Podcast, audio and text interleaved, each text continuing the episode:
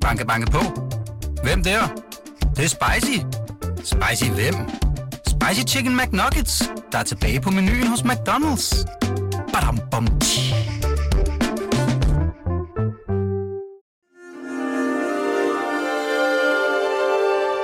Du lytter til Weekendavisen.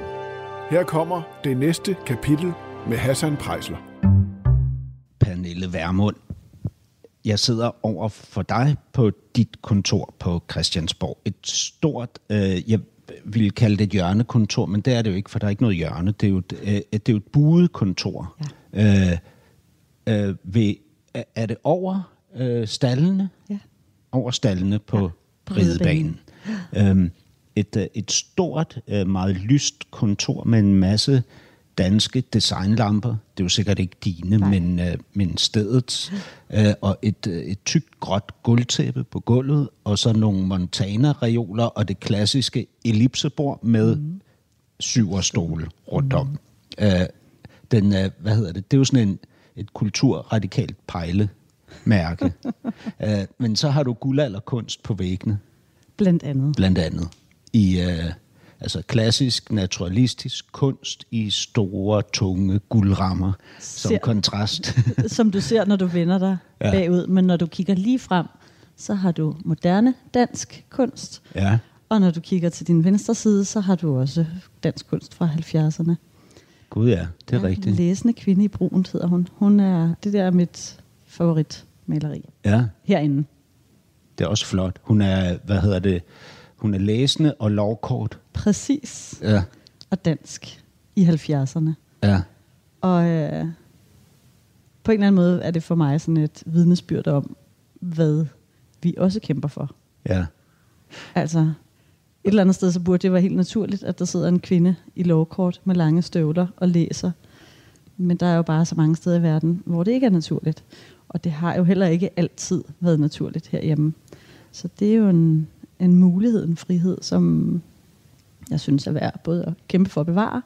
og der er jo en også- dobbelthed, altså, ikke? i hvert fald i, vores, i forhold til vores klassiske forestillinger. Ikke? Fordi det er jo både, hun er jo både sexet og øh, øh, belæst, virker hun jo. Ikke? Jo, ja. det, kan du, det har du ret i. Altså det her med, det er faktisk sjovt, du siger det. Det har jeg ikke tænkt over, men, men øh, det er jo en diskussion, der kører på de høje navler i øjeblikket. Ja. Øh, om, øh, om man som kvinde både kan være Og, og du Øh, tænker på hele Thorning-sagen. Thorning-sagen, ja. om man som kvinde både kan være, øh, være begavet og tænke sig om, og så huske at gå i bad og frisere sit hår om morgenen. Al- det mener jeg jo godt, man kan. Jo, men det er jo ikke kun alt. gå i bad og frisere sig om morgenen. Nej. Det er jo også, om man kan være øh, øh, øh, altså luksuriøst velklædt, for eksempel, og Ja. sexet. Ja. Ikke? ja. Og det er jo helt utænkeligt, at man kan det. Ja. for nogen. Og for os andre, så er det jo fuldstændig naturligt, at man kan klare sig godt og løse sine opgaver godt, når man er et helt menneske. Når man både anerkender sin, hvad skal man sige, feminine sider i, ja, i sit privatliv og i sin påklædning og hvad man ellers har, og så også anerkender den målrettighed og, øh, hvad skal man sige, øh, viljestyrke, der jo trods alt ofte er forbundet med maskulinitet, så kunne rumme alle de sider i sig selv, det synes jeg jo vidner om et helt menneske, og ikke... Øh, Men er det så sådan for dig, fordi for mig som mand, ikke, jeg må jo gerne være øh, altså udadfarende. Jeg må sådan set også øh, lade være med at gå i bad. Altså, jeg må godt være lidt scruffy, så er jeg bare en bad boy den dag, ikke? øh, Øh, og, og jeg må gerne være handlekraftig og slagfast. Ikke? For mig er det jo øh, hvad hedder det, en udfordring at skulle være de andre ting. Altså blød, tvivlende, øh, øh, usikker. Øh, det du måske vil... Øh, nej, det, øh, det er jo ikke feminin øh, øh, træk nødvendigvis. Men, men det har det måske været i, Jo, det i, den, jeg så, i man skildringen. Kan jo, man ikke? kan jo kalde det tvivlende, eller man kan kalde det reflekterende. Eller følsom. Øh, følsom eller sårbar. Nogen vil kalde det Sårbar. svag. Ikke?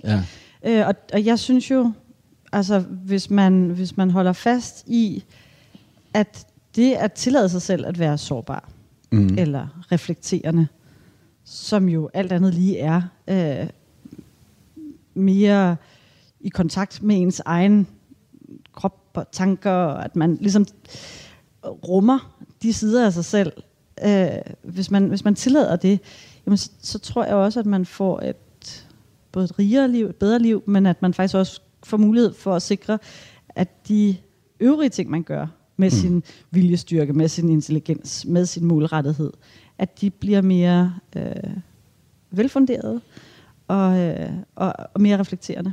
Men som jeg oplever øh, som mand, at de at sårbarheden, følsomheden, skrøbeligheden og sådan noget, at er, er lidt øh, mere bøvlet og besværligt at gå ind i, altså mere forbudt mm. måske. Mm. Har du det så tilsvarende sådan, at du som kvinde synes, at det handlekraftigt, det øh, øh, kraftfuldt, det, øh, øh, at alt det ligesom er sådan et, et, et sted, du har svært ved at gå over, eller synes at... Er... Nej, jeg tror, sådan personligt er jeg nok mere, altså min maskuline træk er på det punkt øh, ret intuitiv. De nemme, altså det er nemt for mig at... Øh, har, at bare, har det altid været en del af dig? Ja, det er det. Det har det. Ja. det, var, det du har faktisk sagt, at det var noget af det, der fældede dit ægteskab. Ja. Altså det er, for mig er det, jeg tror, jeg i forhold til mange andre kvinder, er mere risikovillig, mere målrettet, lyder som om man sådan prøver at hæve sig selv op på et, et højere niveau, men, men, men der er forside, eller fordele og ulemper ved alle egenskaber. Øh, noget af det, som jeg skal arbejde med for at have det med i mit liv, er det her med at huske at leve i nuet. Øh, at huske at være hvorfor, åben og hvorfor? Er det det, du glemmer, eller, eller kommer det er til at det, jeg til side? sådan naturligt ville glemme, hvis ikke jeg er meget opmærksom på det, hvilket jeg i høj grad er, øh, fordi jeg har lyst til og behov for at være et mere komplet menneske. Så hvad, hvad er det, du kommer til at glemme? Jamen, altså hvis ikke jeg, hvis ikke jeg aktivt arbejder for at øh, tillade mig selv at være sårbar, at tillade mig selv at øh, nyde min, den tid, jeg har at være til stede. Ja. Øh, og det er jo noget, man kan træne. Så, øh, så ville jeg ikke have gjort det. Da, altså i mit, i mit gamle liv, skal jeg sige, jeg er jo ikke sådan vildt gammel, men da jeg var i begyndelsen, midten af 30'erne, der var det bare ud af med ja, og du kraft. siger jo i dit, uh, i dit ægteskab til dine uh, børns far, at han var i stand til at være til stede, og du var uh, ud over stepperne.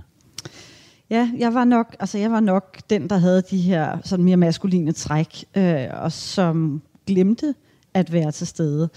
Øh, og det er jo, altså det er jo skørt at halse gennem livet ja. og glemme at være der, hvor man er. Ja. Øh, og jeg synes faktisk, det er en kæmpe glæde. Efter jeg sådan har trænet mig selv i det, så er det en, en stor glæde at tillade sig selv, eller at for mig at tillade mig selv, at være til stede. Jeg tror også, det... Øh...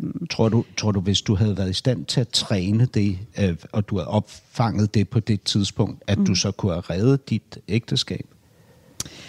Det er svært at sige. Det kan jo også være, at det slet ikke var den mand, jeg var faldet for i første omgang. Det aner man jo ikke. Altså det her med sådan at tænke... Altså det, øh, at han blev så familieorienteret? Eller, eller ja, det at, at jeg vælger en mand, som i den grad er øh, familieorienteret, nærværende, lever i nuet. Det kan jo godt fantastisk. have været. Ja, men det er det også. Jamen, han er også verdens bedste far, Jamen, det, så alt er godt. Ja. Men, øh, men, men, men jeg tror, vi vælger partner i høj grad ud fra nogle instinkter, og, og der kan godt være noget med, hvad er det, jeg ikke selv, øh, altså hvad er det, jeg higer efter i mit liv, som jeg ikke giver mig tid til at øh, udvikle, finde i mig selv. Ja. Og så bliver det let at tro, at ens partner så kan levere kan levere det. det. Ja. Øh, og, og der tror jeg, at jeg efterhånden er nået til et punkt, hvor jeg kan mærke, at det er jo ikke det, en partner skal for mig. I hvert fald ikke i forhold til sårbarheden og tilstedeværelsen og sådan noget. Der, der har du så lært, at det, skal, det skulle Johnny ikke komme med, det skal du finde i dig selv. Ikke? Men hvad er det så i dit nuværende forhold til øh, Lars, ja. øh, Lars Tvede, ja. øh, eller ægteskab mm. er det jo. Hvad er det nu, du er blind for, at han skal levere til dig, som du ikke selv har? Jamen, det gode ved mit ægteskab til Lars, som så måske også er, det har jo også øh, ulemper, men, men vi er jo voksne mennesker nu, hvor vi mødes. Øh, og Lars har nogle positive egenskaber, som er rigtig mange. Du er 45, ja, han er 61. Han er 61. Ja. ja, nej, han er... Han er 61. Han er 61, er han det? Ja. Han har fødselsdag lige om lidt. Så bliver han 62, Er han ikke? ikke 62? Gud, det kan jeg ikke huske. Nå, det har du nok ret i. Øhm, han... Øh... Ej, hvor er det pinligt, jeg ikke Jeg tror, han er 61. Okay, jeg tager dig råd. Øhm, eller tager, tager dit, dit udsagn. Du kan undersøge det til Jeg anden time. Jeg synes, det er en god idé at undersøge det, når nu han har fødselsdag lige om lidt. Så, Ja. Øh, ja. Øhm, nej, vi er jo voksne mennesker, nu når vi mødes, og, og på den måde har jeg... Jeg tror, jeg er blevet bedre til at anerkende og rumme de øh, sider af et menneske, som jeg normalt ville have haft svært ved at leve med, og tilsvarende værdsætte det øh, gode, Lars han er. Men ikke i et forsøg på sådan at finde den der puslebrik, som skal udfylde mine øh, svage sider. Mm. Hvis det var det, jeg skulle søge, så ville jeg ikke have valgt Lars. Hvad, hvad vil du så have valgt? Jamen, jeg tror, Lars og jeg minder for meget om hinanden, hvis jeg skulle vælge en puslebrik, der var øh, det, som jeg ikke er. Og, og det er stadig det, det sårbare, tvivlende, Ja, ja, men- tilstedeværende, Nej, det, skrøbelige. Eller? Ja, det, det er i hvert fald det, der sådan instinktivt er fra øh, min sådan, ikke fra naturens side, fordi det er jo også opvækst og kultur, men det, det var de sider, der var svære for mig for 10-15 år siden. Ja. Øhm, jeg synes i dag, er jeg, og igen takket være træning, langt bedre til at være til stede, være nærværende, øh, ikke sidde og tænke på, hvad skal jeg om en time eller to timer, men bare sidde her med dig, for eksempel, mm. og, og tænke, det her, det, øh, det er interessant, altså hvad er det? Og, og, og det, ja, så det er ikke, så den, den, hvad skal man sige, den side af mig har jeg ikke længere behov for at få udfyldt af en anden. Og, og det er i virkeligheden min pointe, at det der med at tro, at man kan, vi supplerer selvfølgelig hinanden, men det at man tror, at man kan kompensere for nogle, øh, øh, nogle egenskaber, eller hvad hedder sådan noget, nogle, øh, nogle sider af sig selv, som man ikke tør udvikle ved Mm. at finde dem i en partner. Det, det, øh, det fungerer i hvert fald ikke for mig. Men, men jeg tænker også... Øh, nej, vel, altså, I var jo fra hinanden i en periode, du og Lars, kort Ja. efter I møder hinanden, Ja. ikke? Og I finder så sammen igen, Ja. og, og I siger, at det handler om prioritering. Ja. At I måtte Ja. være fra hinanden for at fikse noget. Nej, omvendt. Altså, vi, vi siger, at, at da vi finder sammen igen, vi, altså, vi bor i hver sit land, ja. Har hver sin hverdag. Han bor i er- Schweiz. Han bor i Schweiz, ja. Og du bor Øh, i Snækkersten nord ja. for København. ja. Øh, og, øh, og vi har jo hver sin travle hverdag, og Ja. derfor er det nemt bare at lade sig rive med, Ja. og glemme at sætte tid af i kalenderen til hinanden. Øhm, og, og det, kan, det tror jeg ikke, kærlighed kan holde til i længden. ja. Øhm, Jeg tror, det var ham, der havde det største problem. Er det, er det rigtigt? øhm, altså, Det var ham, der følte sig underprioriteret. Ja, det var det. Det var det. Det kan man jo fornemme Ja. ja. det, I siger. ja. Øhm, det var det, men, men det var sådan set, altså det var Og også hvad- begge hvad- to, der var dårlige til Men hvad måtte du af. så ligesom lø- sige til ham for at øh, få ham tilbage igen? Eller? Jamen altså, jeg, øh, jeg, jeg ved ikke, om det var noget, jeg skulle sige til ham. Det var, øh, altså det, der skete, var, at vi jo kunne mærke, da vi var fra hinanden, at vi savnede hinanden helt vildt. Ja. øh, og at det ikke føltes rigtigt at være fra hinanden. Og så må man jo, sådan som to intelligente og ressourcestærke mennesker, finde ud af, okay, hvis ikke det føles rigtigt at være fra hinanden, hvordan kan vi så være sammen på en måde, mm. hvor vi øh, ikke havner samme sted igen? Mm. Og der besluttede vi så, at vi bliver simpelthen nødt til at prioritere at sætte tid af i kalenderen, lægge de der weekender eller uger ind, hvor vi skal ses. Hvor mm. jeg enten tager til Schweiz og er sammen med ham, eller hvor han kommer til Danmark og er sammen med mig. Mm. Øhm, eller hvor vi er et, et tredje sted. Det behøver jo ikke være enten det ene eller det andet sted, men, men hvor vi er sammen. Kunne man forestille sig, Pernille, fordi du siger jo ligesom, at, at man skal ikke finde det der uden for sig selv. Altså jeg er i, i, et, øh, et, et forhold i dag med en kvinde, Sara hun, mm. som jeg har været sammen med i, i tre år. Øh, godt, eller snart tre år. Og hun, hun taler øh, uden tvivl til en bestemt side af mig. Ja. Øh, og det er den side, der, øh, der øh, forlanger, at jeg er ærlig omkring, hvem jeg i virkeligheden er, og hvad jeg i virkeligheden har brug for. Ikke? Mm. Og, og det er simpelthen, fordi hun ikke hun går ikke på, på de der normale ting, jeg ligesom præsenterer, altså det Mm. der, øh, hvad, hvad, hvad kan man sige, ud af faren og det konfliktsøgen og sådan noget. Hun Mm. går bare ikke, altså hun taler ligesom igennem det, om bag det Ja. og sådan noget, Ja. til det andet. Ja. Ikke? Ja. Det andet, Ja. det er jo noget, jeg gerne vil have aktiveret, fordi jeg vil Ja. gerne have mit forhold til at fungere, men det er også noget, der er vigtigt for mig at kunne i mit Ja. arbejde, Ja. Ikke? Ja. med det, jeg laver. Ja. Du har jo valgt noget helt, helt andet, end der stod i kortene. Altså, du, du har været omkring mange ting, du gerne vil være. Advokat, biokemiker, billedkunstner, filo, hvad hedder det, sprog, øh, sprogstuderende, filolog. Ikke? Ja, ja, det var så Øhm, min, da jeg gik i gymnasiet, jeg gik og overvejede de her Ja. ting, ikke? Øh, altså, det er ikke i dag. Jo, men også øh, senere, ikke? Øh, øh, journalist. Og så blev du arkitekt, ikke? Ja, ja. Øh, men nu er du jo politiker. Det er du jo. Du har, Altså, du har endda lukket dit arkitektfirma. Ja, bare lige for at præcisere, altså det du ramser op her, er jo ikke, det er jo ikke øh, studier, jeg har gået på. Det Nej, var nej. min drømme. Som, Drømme. som helt ung gik jeg og overvejede, hvad jeg skulle. Ja. Det er rigtigt. Det er faktisk kun det, det ene af det, der blev til et studie, ikke? Arkitekt. Ja, det var det, jeg valgte. Ja. Ja. Øh, men du, du er jo så blevet politiker nu, ikke? Ja. Og det betyder jo, Jeg har valgt at blive politiker. du har valgt at blive politiker, og ja. det betyder, at der er nogle bestemte sider af dig, mm. som skal styrkes, mm. og nogle andre, som jo nok vil stå i vejen. Måske, måske ikke. Jeg tror i virkeligheden, uanset om man er politiker, eller arkitekt, eller journalist for den sags skyld, Ja. Altså, så jeg er lidt tilbage til det her med, jo mere, jeg tror, jo mere helt menneske man kan være, jo mere øh, man kan anerkende og rumme og acceptere de sider af en selv, som man måske normalt ville tænke, Au, det har jeg ikke lyst til at blotte, eller her gør det ondt. Ja. Så man ligesom går ind i den der følelse og siger, hvad, hvad er det her, der gør ondt? Øh, frem for bare at lukke af. Men så får man et, så får jeg i hvert fald et mere helt liv, og jeg tror også, at jeg er et bedre menneske for mine omgivelser, og for mine børn at være sammen med. Ja. Øh, og, og jeg, jeg tror ikke, det, altså, man kunne jo godt som politiker vælge at sige, der er sider af mig, som jeg ikke vil vise til folk, fordi jeg er bange for at blive sårbar. Eller der er sider af mig, som, øh, som jeg undertrykker, fordi jeg er bange for, hvad folk tænker om mig, hvis jeg er på den ene eller den anden måde. Ja. Men hvor ender man så?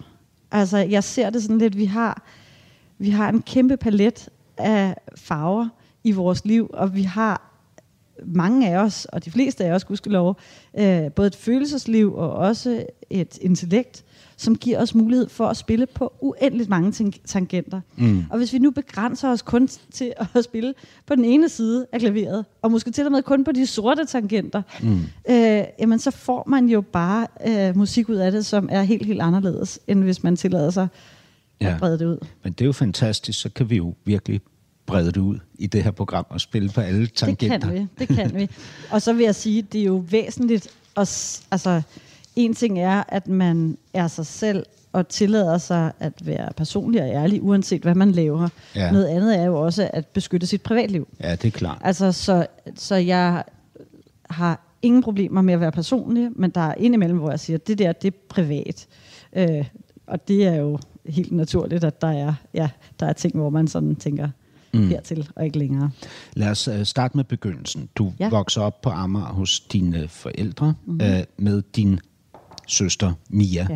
Ja. Uh, din, uh, de, begge dine forældre arbejder som kabinepersonale Ja, i SAS. Ja. Din far er ovenikøbet tillidsmand, ja, og, eller fagforeningsmand, ja. ikke? og får gennemført rigtig mange Ja. Øh, af, de, af de ting, som ligesom bliver fundamentet for det, det der enormt gode arbejde, det jo var dengang at være... Øh, at være ansat i SAS, ja. Ja. ja. hvad, hvad, så studerede han til advokat også? Han læste, han læste jura, læste da jeg, var, ja, da jeg var helt lille. Ja. Øh, og begyndte at flyve ved siden af sine studier. Øh, og arbejdede som steward, mens han studerede. Og da han så var næsten færdig med sine jurastudier, så besluttede han, at han ville ikke sidde på et kontor resten af sit liv. Han ville ud og se verden og have tid til at læse bøger. Og, Ja. Øhm, ja, og, så, og jeg tror faktisk, han oprindeligt tænkte, jeg kan altid vende tilbage og afslutte min jurauddannelse. Hva, hvad hedder han? Per, Per? ja. Ja. Og din mor? Birgitte. Hvad, hvad, øh, Jamen, hun, hun, øh, hun startede som stewardesse før øh, min far, ja, og, øh, og havde ikke nogen uddannelse. Altså, hun er fra en generation, hvor hun- ikke havde studentereksamen eller noget andet. Øh, og, og jeg tror, hun havde noget, en etårig kontoruddannelse af en art. Øh, men får så det her job i SAS og flyver hele sit liv. mm. Øh, og er også glad for det. Og hvor, hvor, hvordan var det for dig at vokse op hos dem? Øh, altså hos mine forældre. Mm. hos dem. Ja. I min familie. I din familie? Ja, øh, jamen det, var en, det var jo en lidt anderledes barndom, fordi vi jo har, når, når man flyver og væk, også med overnatninger, så kan man jo ikke bare putte et barn i institution, og så regne med, at, der er en, altså, at barnet ligger alene hjemme om natten. Så vi har haft barnepige, siden jeg var helt lille. ja. Øhm, og det betød også, at der gik en del år, før jeg kom i børnehave. Vi boede i et rækkehuskvarter med en børnehave lige ved siden af. Og, øhm, og når de andre børn var inde ja. i børnehaven og stod ude i, øh, på legepladsen i børnehaven og kiggede ud, så stod jeg ude på pladsen foran børnehaven og kiggede ind Ja. med min trehjulede cykel, og ville faktisk rigtig gerne ind og lege med dem. Og Ja. det fik jeg så øh, Hvor var din søster? for. Jamen, hun var, hun var to år yngre, så hun har nok været Ja. ja. Ja, så lille, at hun ikke... Dengang gik man jo ikke i vuggestue på samme måde, som man gør i dag. Der afleverede man børnene noget senere, så blev de typisk passet hjemme, eller Ja. af barnepiger og dagplejer og så videre. Øhm, så jeg vil tro, at hun har været hos en dagplejer eller med vores, vores barnepige. Øhm, Hvordan var de, dine forældre? Hvordan var din far? Da du, Han- da du grundlagde Nye Borgerlige, ja. der kaldte han det et taberprojekt. Ja, han, altså, han har fra begyndelsen sagt, at, og, og i virkeligheden har han måske nok prøvet at beskytte mig, at øh, det er jo enormt svært at stifte et nyt parti. Be- beskytte dig mod. Ja, mod, en, mod fiasko, mod at fejle. Ja. Altså, jeg tror, at han sådan har tænkt, af, nu, øh, nu gaber hun over mere, end hun kan klare. Ja. Øh, og, og det der, det, det er jo dømt til at gå galt. Har han før forsøgt, altså også i din barndom og ungdom, at beskytte dig mod fiasko? Øh, han gjorde det, da jeg blev skilt fra min drenges far. Nej, ikke i, i min barndom og ungdom. Der var, det, øh, der var han sådan, der synes jeg, jeg er vokset op med sådan en, et, øh, en fornemmelse af, at vi bare skulle øh, kæmpe for at nå vores mål og øh, drømme om det, vi nu havde lyst til at drømme om. Og så, øh, Hva, ja, hva, og var, var han kærlig? Øh, absolut. altså, altså også sådan, at han kunne give dig et knus og Absolut. et kys? Og, Ja. Øh, ja, og vi har faktisk vi har, altså, ja, har været både fysisk tætte med mine forældre og, Også med din mor? også med min mor, og været ja, også tætte som, som voksne. Jeg, Ja. ser, jeg taler med min far næsten hver dag, ja. stadig den dag i dag, og vi bor tæt sammen. Min søster bor fem huse fra mig, og min far bor øh, en lille kilometer Ja. øh, derfra. Og altså, vi er, vi er tætte. Og det er jo en anden historie med din mor, fordi hende, Ja, hun bor på plejehjem i dag. ja, ja. Hende kan du ikke tale med Nej. hver dag, fordi Nej. hun er, skal isoleres, ikke? Øh, jo, men det skal hun så ikke længere. Nu, er hun, øh, nu må hun jo gerne komme ud. Min far han kører op og henter hende hver dag, så kører han tur med hende. Ja. Og de dage, hvor jeg arbejder hjemmefra, kommer han så forbi mig. Øh, og så kommer jeg ud til bilen, og så når jeg lige sidde med hende lidt. Og Så I kan, se, du kan se hende nu? Jeg kan se og, hende nu, ja. ja. Men, men hun er jo så syg, så vi, altså, det er meget, meget svært at kommunikere. Og, og det er, Hun, har, tror, hun har- hun, hun er 67, 68? hun er født i 52, så hun er 68, ja. Ja, og hun, Ja. har, hun har en, en, En sygdom, der hedder Huntington Korea. Ja, som er en, øh, en sygdom, der... Ja, altså, man, man kender udgangen på Ja, den, ikke? ja. Altså, hun, Ja. hun, hun lever dør ikke længe. syg- Nej, hun dør af den her sygdom. Og, man, Og hendes bror døde ja. Ja. af, af den samme sygdom, ja, ikke? præcis. Ja. Og hendes mor og hendes mormor er døde af samme sygdom. Så det er jo det er en arvelig sygdom, som nedbryder centralnervesystemet, og som gør, at man stille og roligt bliver, øhm, ja, altså mister evnen til at styre sine bevægelser, øh, og også mister evnen til at tale. Og til sidst så står kroppen jo af, fordi der ikke er, er kræfter ja. øh, til at holde sig i live. Du har ikke arvet den, Nej, og det er gudskelov. din søster heller Nej, ikke. nej, Din søster lod sig ret hurtigt teste. ja, Det gjorde du ikke. nej. Øh, den dag, du får det at vide, at din mor har den her sygdom, er Ja. en dag, hvor hende og din far kommer op og henter dig øh, ud af klassen Ja. på gymnasiet, Ja. hvor du går, Ja. øh, og så fortæller de dig det. Ja. Øhm, og så får du, bliver du ikke testet, fordi du først skal have en gruppelivsforsikring, Forsikring, ikke? ja. Og det kan du ikke få, hvis du lider Nej. af den sygdom. Nej. Øh, men du, da du så har opnået den gruppelivsforsikring, lader du dig stadig ikke teste. Jo, jo, jo. Der får jeg så, altså da jeg, det der er i det, det er jo, at når man, øh, når man øh, gerne vil forsikre sig for resten af livet, så skal man jo ikke i forvejen vide, at man øh, dør dø. før tid. Ja. Nej. Mm. Øhm, og, øh, og for at kunne tegne sådan en forsikring på daværende tidspunkt, jeg ved ikke, om det stadig er sådan, det er jo mange år siden, mm. øh, der skulle jeg jo være i arbejde og, øh, og kunne betale ind til den. Nå, så du skulle Så gøre jeg dit var studie færdig. Jeg skulle gøre mit studie færdig, ja. øhm, og, øhm, og fik job. Og da jeg så havde men, fået job... men var det arkitektstudiet, du Ja. skulle gøre? Okay, Ja. så det er jo, der er jo gået, hvad, 10 der gik, år? Nej, der gik... Nej, nej, så lang tid var jeg ikke at læse. Nå, men øh, jeg fik besked i 3.G, slutningen af 3.G, om at min mor Okay, ville blive syg. ja. Og, øhm, Fem, og jeg år, var, så. så havde jeg et enkelt år ude, hvor jeg var ude at arbejde, og så var jeg jo så fem og et halvt år på arkitektskolen. Ja. Så, så ja, der gik nogle år, og det var en, det var en hård tid. Det var altså også en Hvor, tid, hvor du jeg- simpelthen ikke vidste, om... om jeg var ja, købt mm. eller solgt. Ja, og man kan sige, det er jo en forudsætning i livet, at vi, i hvert fald langt, langt de fleste af os, ikke ved, hvornår vores udløbsdato er. Altså, Men jeg man- kunne også man- være død som 40-årig og alt muligt andet, men lige så snart man får... omstændighed. Præcis. Lige så snart man får at vide, at der er 50 procent sandsynlighed for, risiko for, at, øh, at jeg har arvet den her sygdom, jamen så, så ligger der sig sådan en, Ja. en lidt mørk sky over ja. ens tilværelse. Det, det, når jeg sådan ser tilbage, så vil jeg gerne, vil jeg egentlig gerne have haft en eller anden form for, altså jeg tror, hvis man, hvis man i sådan en situation kan tale med nogen, der har været i samme situation, eller efterfølgende kan få mulighed for at reflektere lidt dybere over, hvad det sætter sig, altså hvad der sætter sig af spor i en Mm. øh, i sådan en periode, så ville det nok have været, været godt. Det har du ikke gjort. Nej, det gjorde jeg jo ikke umiddelbart dengang, Nej. men det gør, har jeg jo gjort sidenhen. Og altså, hvad, hvilke spor over. har det sat i dig?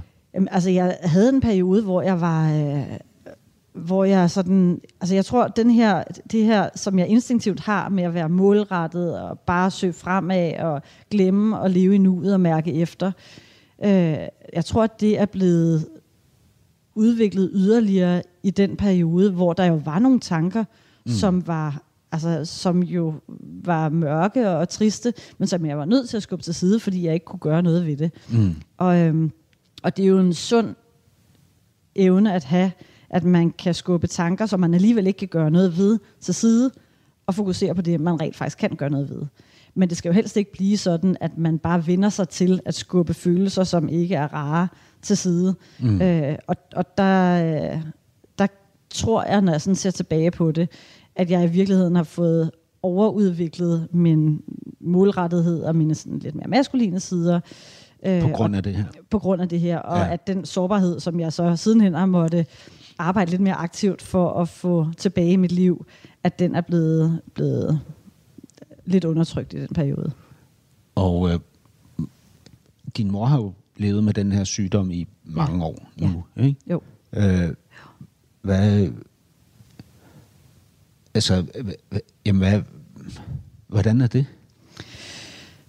Det er, øh, det er barskt.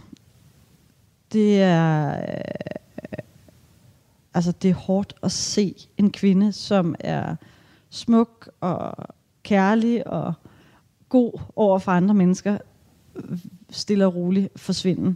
Er, er det Øhm, sådan, du vil definere hende smuk og god og kærlig Ja, over for andre mennesker? over for andre. Øh, altså sådan meget, hun, mine forældres hjem har altid været åbent, når vi havde kammerater med hjem, og vi havde virkelig mange kammerater med hjem. Ja. Så var der altid plads til alle, og der var altid mad til alle. Øh, vi var, altså mine forældres hjem, som var, altså takket være min mor i høj grad, var, var i den grad samlingsstedet for, for kammeraterne. ja. Og øhm, så hun, altså hun var, hun havde også temperament, og hun var altså på andre områder en, en, øh, en sådan en mor, som som godt kunne sige fra, Ja. når hun synes, at vi gik, gik over stregen Hvad, eller hvad, gik hvad for kunne langt. det være, hun ville sige fra? Jamen, øh, det kan være alt. Altså sådan helt øh, for små ting, som at man ruder på værelset, eller altså de der, Ja. det er helt naturlige ting. Så det er jo ikke, fordi hun var sådan en, øh, sådan en, mm, hvad skal man sige, altså det var ikke, fordi hun var sådan en blødsøden mor, men hun var oprigtigt et, altså hun havde øh, og har et godt hjerte. Ja. Og et menneske, som så bare syner hen, øh, Hvad, det er, hvad som man det? ikke kan Altså, gøre noget Også mentalt eller, Ja, eller også, fysisk? Ja, mentalt er det mere, at hun ikke evner at kommunikere. Altså hun, hun ser jo stadig nyheder, hun kan fortælle, når hun har set mig i fjernsynet om morgenen, Ja. øh, så er hun helt bevidst om det. Ja. Hun har så svært ved at om- formulere om det. det. Jamen samtidig så, er hun, så, så synes hun, jeg er for hård ved de andre, andre gange. Så, Med de øh, andre politikere? Ja, ja. ja. Øhm, Har hun ja. ret i det?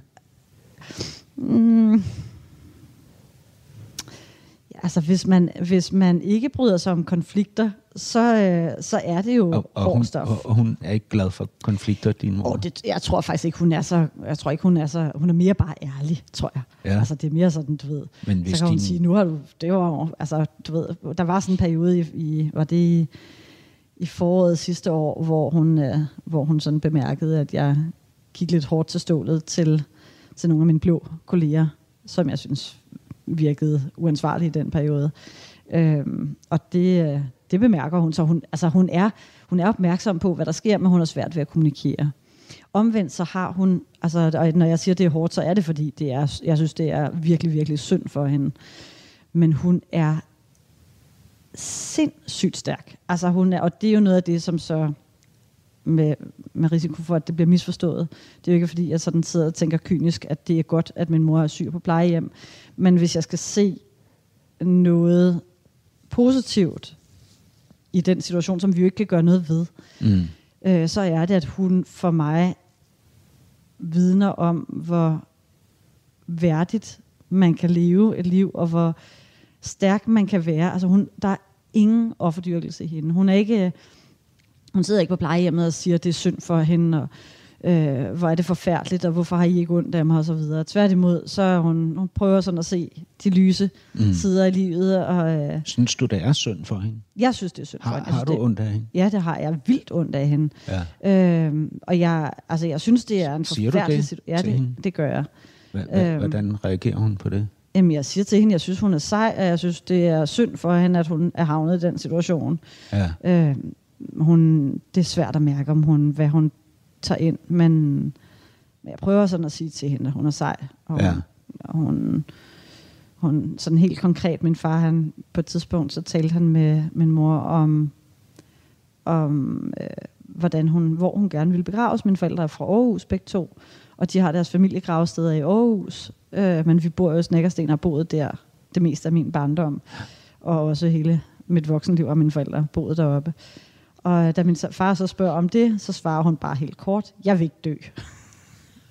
og hun sidder på et plejehjem, og man tænker, de fleste af os andre, når man ser ind i det der liv, vil måske tænke, ej, så vil jeg fandme hellere herfra, end jeg vil sidde der øh, og, og blive madet af fremmede, og blive skiftet og vasket af fremmede. Mm. Men, men hun er så glad for livet, at, at hun ser det positive i de stunder, der nu trods alt også er. Mm. Øhm, og, og det synes jeg er enormt livsbekræftende. for, forbereder du dig på, at hun skal dø? Ja. Hvordan gør du det? Jamen det tror jeg faktisk helt, sådan, helt naturligt, instinktivt ligger i, når man kan mærke, at et menneske forandrer sig så meget. Hun har jo også forandret personlighed.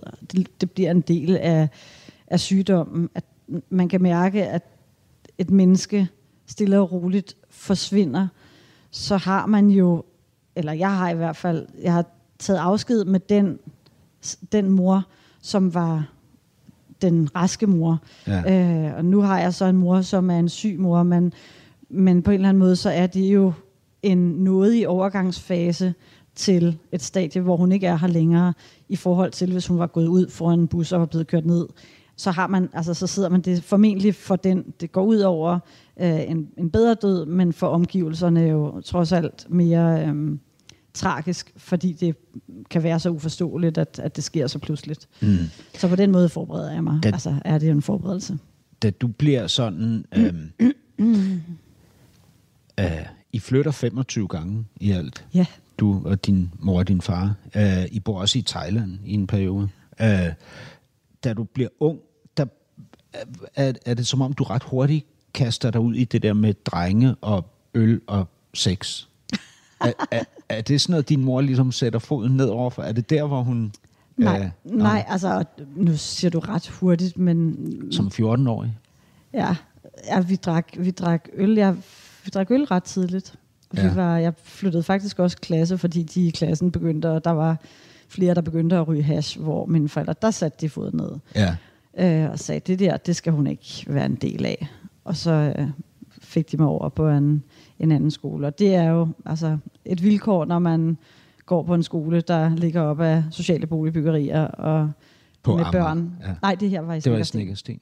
Ja, men, men, på- men det, ja, fordi det er jo, det er jo en, et, hvad kan man sige, en stor kulturel øhm, forskel, der er på Amager og Snækkersten. I hvert fald i udgangspunktet, men der er også sociale boligbyggerier i Snækkersten. Ja. Altså, ja, både i Snekkersten og i Helsingør. Jamen, det er fordi noget af. Prejsler-familien boede i Snækkersten. Ja. Og det var altså ikke, jeg har aldrig set et socialt boligbyggeri i Snækkersten, Nej, når jeg kom okay. der. Så der er også en anden del af Ja, det er der. Det er Snækkersten. der. Altså, den skole, jeg gik på, lå op af et, øh, et rækkehusområde, som er et socialt boligbyggeri, Ja. og en øh, stor, øh, et stort område, der hedder Vapnergård, Ja. som også er et socialt boligbyggeri, og som jo altså, naturligt er der, hvor øh, folk med lavere indtægter, færre ressourcer Ja. øh, bor, og dermed også børn, som kommer fra familier, hvor det er man ikke har samme ressourcer. Og, d- og du kommer jo fra en, en familie, altså, øh, som er en, en arbejderfamilie, øh, familie, Ja. ikke? Jo.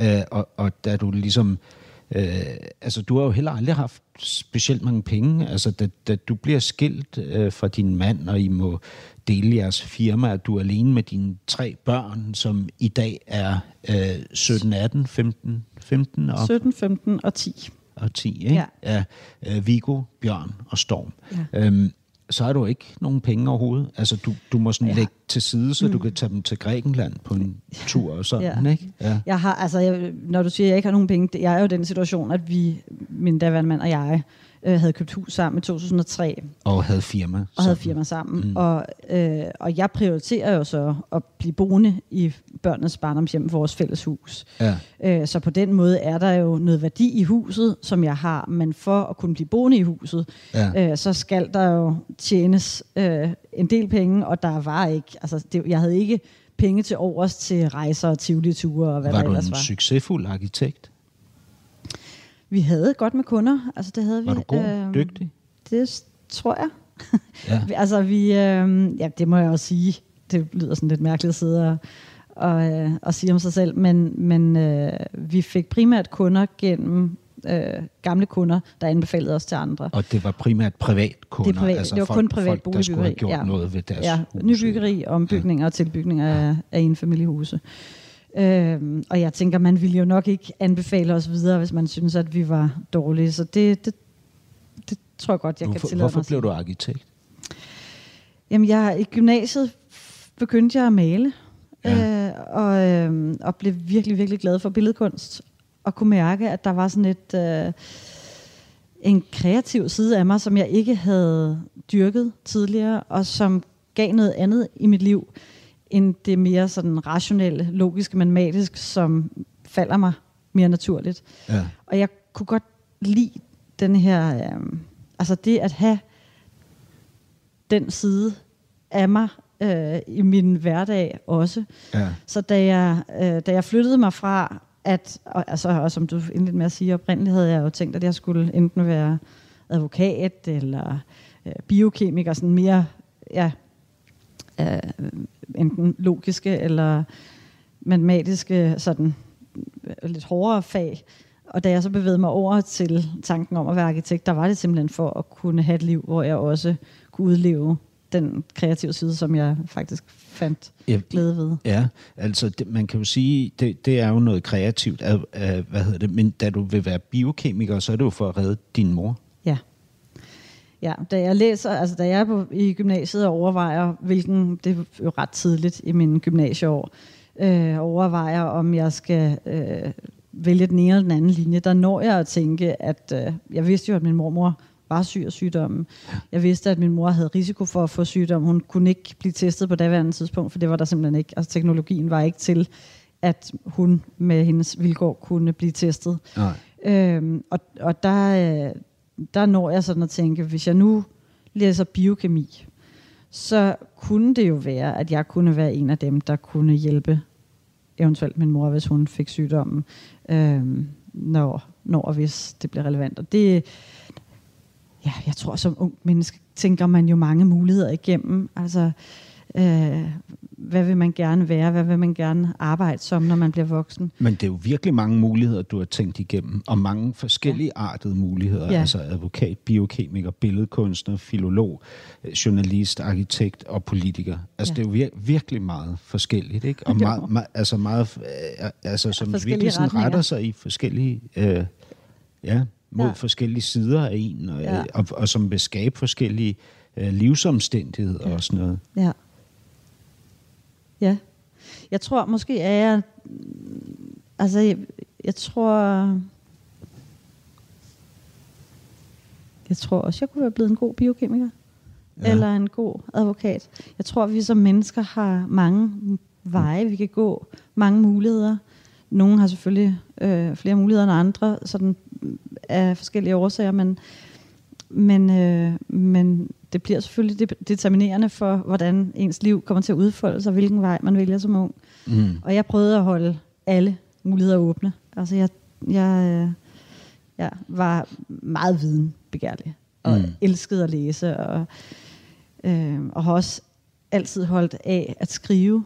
Og det var nok årsagen til, at jeg overvejede, om jeg skulle læse nordisk filologi eller blive journalist. Ja. Ja. Men, men altså, øhm, du, har, du har jo hele tiden sagt, at du absolut ikke skulle være politiker. Altså indtil det sidste sagde du jo, jeg er arkitekt, jeg er ikke politiker. Ja. Ikke? Ja. Øh, du har nu lukket dit firma, og Ja. altså, det ville jo efterhånden være øh, øh, en illusion at sige, at du ikke er Og det er, politiker. lige så snart man bliver valgt herind, så er man jo politiker. Ja, Øh. men også i din egen selvoplevelse, ikke? Jo, det, altså jeg, jeg kan godt mærke, at det at, man, for det første så er det jo altså definitionen på, og øh, altså det er jo min titel, når jeg er folkevalgt, så er jeg politiker. Ja. Øh, men jeg kan også godt mærke, at min, det, i virkeligheden ligger der en lille sorg i det for mig, fordi der er, jeg, jeg er så glad for mit fag som arkitekt, og jeg var faktisk rigtig glad for mit arbejde, og, og det jeg gjorde for vores bygherrer og mine kunder. Øhm, og det at leve som selvstændig erhvervsdrivende var, altså det passer mig utrolig godt. Ja. Så, så jeg er de facto politiker i dag, men inden i mig føler jeg stadig, at der er en arkitekt på samme måde, tror jeg, som hvis du som journalist pludselig engagerede dig i politik. Ja. Så vil du jo ikke sige, at du ikke også var journalist, for du vil føle, at det er en del af din identitet. Ja. Det vil kokken, der bliver politiker, formentlig også føle. Ja, jamen, jeg er jo stadig kok. Altså, det er jo min uddannelse, det er mit oprindelige fag. Og så er man i politik og er politiker. Øh, og det er selvfølgelig en titel, som man så lægger oven i det, som man i sit civile liv Ja. øh, har beskæftiget sig med. Men jeg kommer aldrig til at blive politiker. You never know. Ja, men øh, ved du hvad, det er, ikke, det er ikke sådan set ikke, fordi jeg synes, at der er noget uværdigt i at være det overhovedet. Det handler om, at jeg ved, at jeg kan ikke håndtere magt. Øh, det, det, øh, det vil forandre mig for altid. Og jeg, og jeg, jeg kan ikke fortsat være ærlig omkring øh, tingene, når jeg begynder at dufte magtens Okay. øh, sødme. Okay. Det, det er jeg helt sikker på. Det er simpelthen, det er jo så interessant. Altså tænk, hvis flere mennesker reflekterede sådan. Ja, men Jeg gør du det? Ja, det gør jeg. Og Ja. ofte så tænker jeg, at, øh, at når man læser Tolkien og Ringens Herre, så altså, der er jo noget med den der magt, der ligger i ringen, som betyder, at det ikke er alle, der kan tåle at få den ring. Jamen, det er jo i deres nær, nærmest ikke nogen... Altså, ikke engang Frodo kan tåle det. Nej. Jo. Nej, Altså- han skal have hjælp. Der er jo ingen, der kan tåle det. Jeg tror, jeg tror, Altså, uden kan, Sam, så havde Frodo jo givet sig hen til mørket. Du har ret. Ikke? Men han gjorde det ikke. Nej. Nej, for han havde Sam, og han lyttede til Sam. Altså det er jo ikke kun fordi Sam er der, det er også fordi Frodo jo accepterer, at han ikke skal stå alene med det her. Ja. Jeg tror i virkeligheden, udfordringen med magt er, at når den bliver forsamlet på for få hænder, Ja. så, så, altså, så korrumperer det. Og så bliver man blind for, hvad man tager fra andre mennesker. Fordi når man har magt og tager magt, så tager man jo også frihed og an- ansvar fra andre mennesker. Ja. Og hvis man er en mor eller en far, som tager ansvar for sine børn, så er det jo helt naturligt og rimeligt. Hvis man tager ansvar for folk, der ikke øh, kan klare sig selv, fordi de er umyndiggjorte, så er det jo også ansvarligt og rimeligt. Mm. Men når man bevæger sig derhen, hvor man tager magt og frihed og ansvar fra voksne, myndige mennesker, i en grad, som vi efterhånden oplever i Danmark, Ja, og særligt nu Og der taler du om situationen lige nu, coronaepidemien. ikke? Og, og den Så- måde, som så- så regeringen forvalter Præcis. af magten. Så, så begynder det jo at, at, at, at sætte sig i den befolkning, som føler sig magtesløse. Ja. Og det Men nu er du jo, korrumperer du er jo politisk i periferien. Ikke? Ja. I er jo ikke inde omkring den reelle magt. Nej, det er vi ikke. Vi er i opposition til den reelle magt. Og, og du er bevidst om, at ringen er der. Ikke? Præcis. Altså, for, at, Ja. og, og den indeholder Risikoen for, at man bliver korrumperet. Og derfor skal den altså, ring den jo risiko, der er så stor, Ja. at ingen engang Frodo kan håndtere kan den. håndtere den. Og derfor skal den ring jo ikke have den magt. Det er jo for mig at se, og det er jo nok sådan en meget borgerlig tankegang, jeg vil jo gerne have, at ansvaret i langt højere grad kommer ud til danskerne. Altså at man får fordelt magten øh, Men det er jo ud det- i det er jo- samfundet, det er jo det, hvor man som vi alle sammen siger. Nej, som venstreorienteret tænker man jo typisk, at man ser systemet først, og så borgerne bagefter. Når jeg taler med socialdemokrater, så siger de, jamen vi har ikke noget problem med, at vi begrænser borgernes øh, handlefrihed, at vi styrer borgerne, fordi ja. vi mener, at vi ved bedre end borgerne. Ja. Jeg tænker helt omvendt. Jeg tænker, det må jo være den enkelte borger derude, der som udgangspunkt ved bedst, hvad der er rigtigt for ham eller hende, for Ja. den enkelte familie. Men- vi er så vidt forskellige, Men hvis og hvis du ikke man tror på den diversitet, der er i et samfund, og også værdien af at give ansvar ud, ja. så risikerer man jo, at magten bliver øh, centreret på ganske få hænder. Men hvis du er Frodo, Ja. og magten er, den politiske magt er mm. ringen, ikke? Hve- Hvem er så din Sam? Jamen, det er vel befolkningen. Altså i virkeligheden er det jo befolkningen. Det skal jo ikke være... Men, men øh. hvem siger til dig, Pernille, pas nu på? Ikke? Lige nu der har I fået det tredje største medlemstal i Danmark. Ja, Ikke? ja. Altså, vi ved ikke, hvor det går hen Nej. ved næste valg. Nej. Og det kan være, at du reelt kommer til at stå derinde, hvor. Ja. du har magten. Mm. Og du har netop sagt, at den korrumperer. Ja, og det gør den, hvis ikke man har befolkningen som ens nærmeste. Hvis ikke man hele tiden har for øje, at det er, altså i bund og grund, så er vi her kun for at sikre, at befolkningen har bedst mulig sikkerhed og frihed til at leve øh, det liv, som er det rigtige for ja. Den enkelte familie. Men det, det siger alle mine Nej. gæster. Jo, Nej. jo, det gør de, uanset Men, hvilket men parti. spørg venstreorienteret, prøv at spørge en socialdemokrat, hvordan de har det med, at de laver øh, regler, lovgivning, som styrer folk. Altså, de, de har jo ikke noget problem med, at de laver lovgivning, som styrer folk, at de øh, sætter nogle øh, ret voldsomme begrænsninger for danskernes adfærd, mm. fordi de mener, at de ved bedst. Ja. Og som borgerlig liberal vil man i højere grad sige, jeg mener, at befolkningen ved bedst. Jeg mener, at den enkelte familie bedst ved, hvordan deres tilværelse skal indrette sig. Vi kan se, at den virkelyst, den innovation, den kreativitet, der er i de vestlige samfund, i høj grad hænger sammen med, hvor meget ansvar, der ligger ude hos de enkelte familier og decentralt.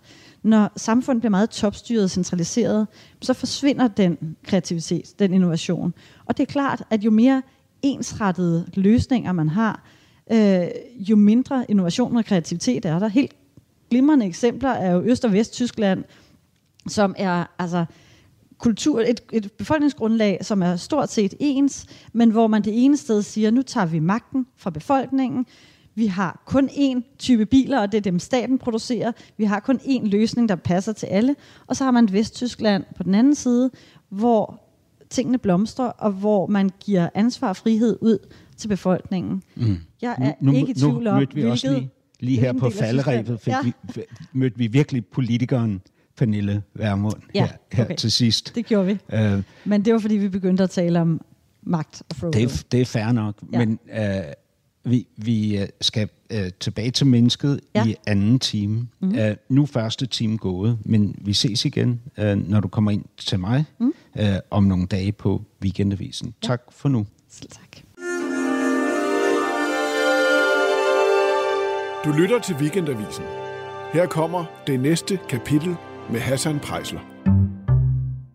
Og ja, Pernille Vermund, lige inden du kom her øh, ind på Weekendavisen øh, i, til vores studier, så øh, lyttede jeg til øh, et program, vi to lavede for fire år siden, da jeg var på Radio 24 og du var øh, nyslået partiformand for et parti, som endnu ikke var kommet i Folketinget.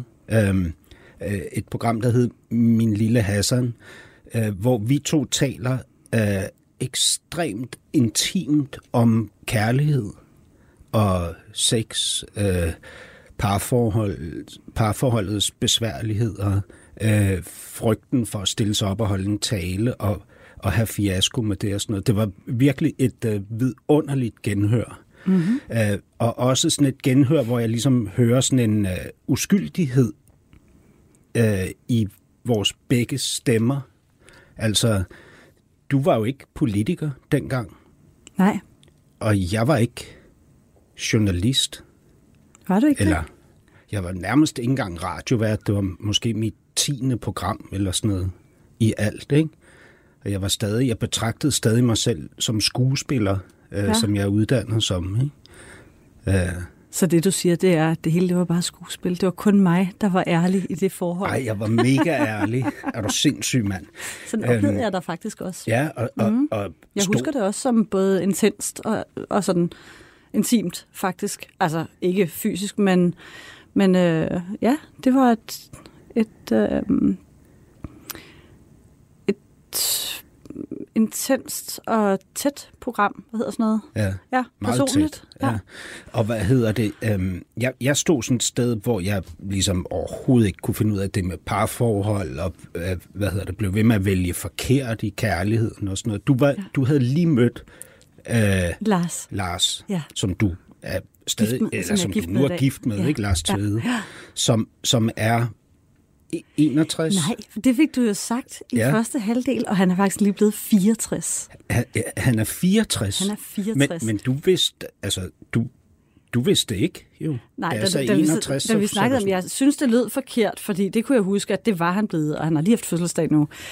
Øh, altså e- efter vi talte sammen sidst. Så jeg Ja. var sikker på, at du tog fejl, men du var meget insisterende. Og så tænkte jeg, jeg må hellere lade være at sige noget forkert, fordi det er jo sådan lidt som at, altså at skyde en mand ældre, end han er, er måske lidt som at skyde en kvinde bredere, end hun er. Det har man, man har ikke lyst til at komme hjem med det der sæt undertøj til sin kæreste, som bare er tre numre for stort i buksen, vel? Men, men du kunne ikke huske, hvornår I havde fejret hans 60-års fødselsdag? Altså om det var et eller fire år siden? Ej, jeg kunne godt huske, det ikke var et år, for du sagde, at han var 61. Ja. Og jeg var ret sikker på, det, at det var han ikke. Fordi, Du sagde 62, faktisk. ja, så, men det er jo så fire år siden, Ja. at vi har fejret hans 60-års fødselsdag.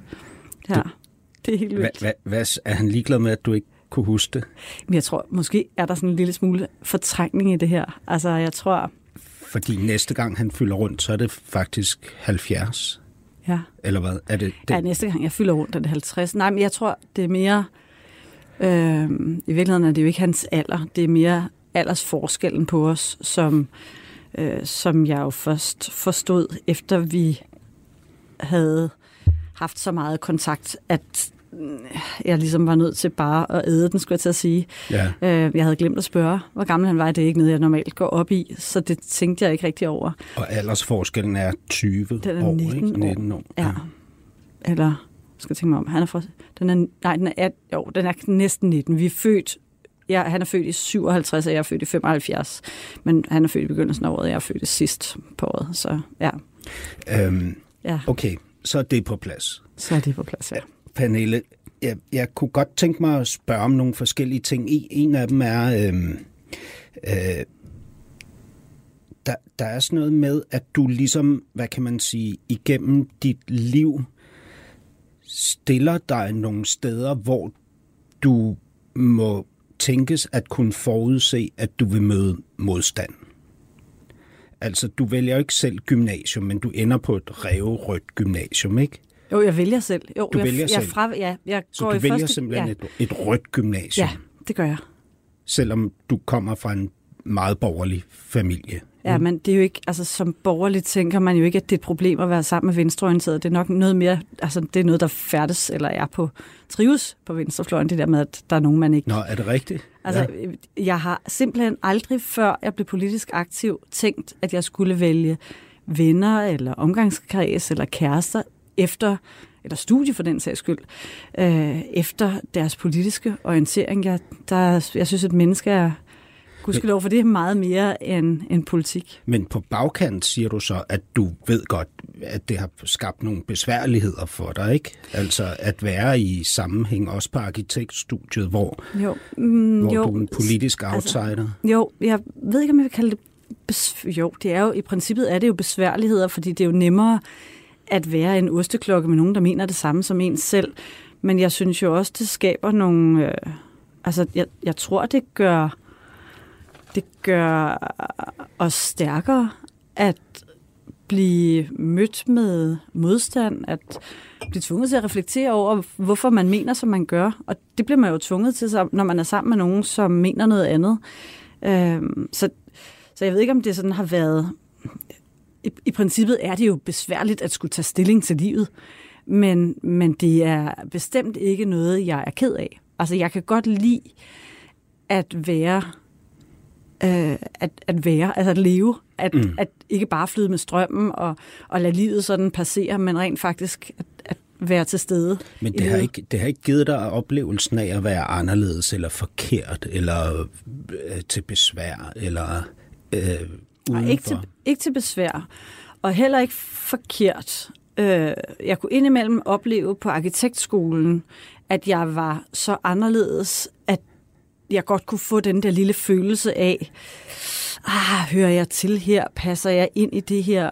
Ja. Men det er jo også udviklende. Altså, når jeg sådan tænker tilbage på det, så kan jeg godt mærke det der lille stik i hjertet, som jeg tror, man kan få, når man er i en situation, hvor man synes, her er, er jeg lidt outsideren.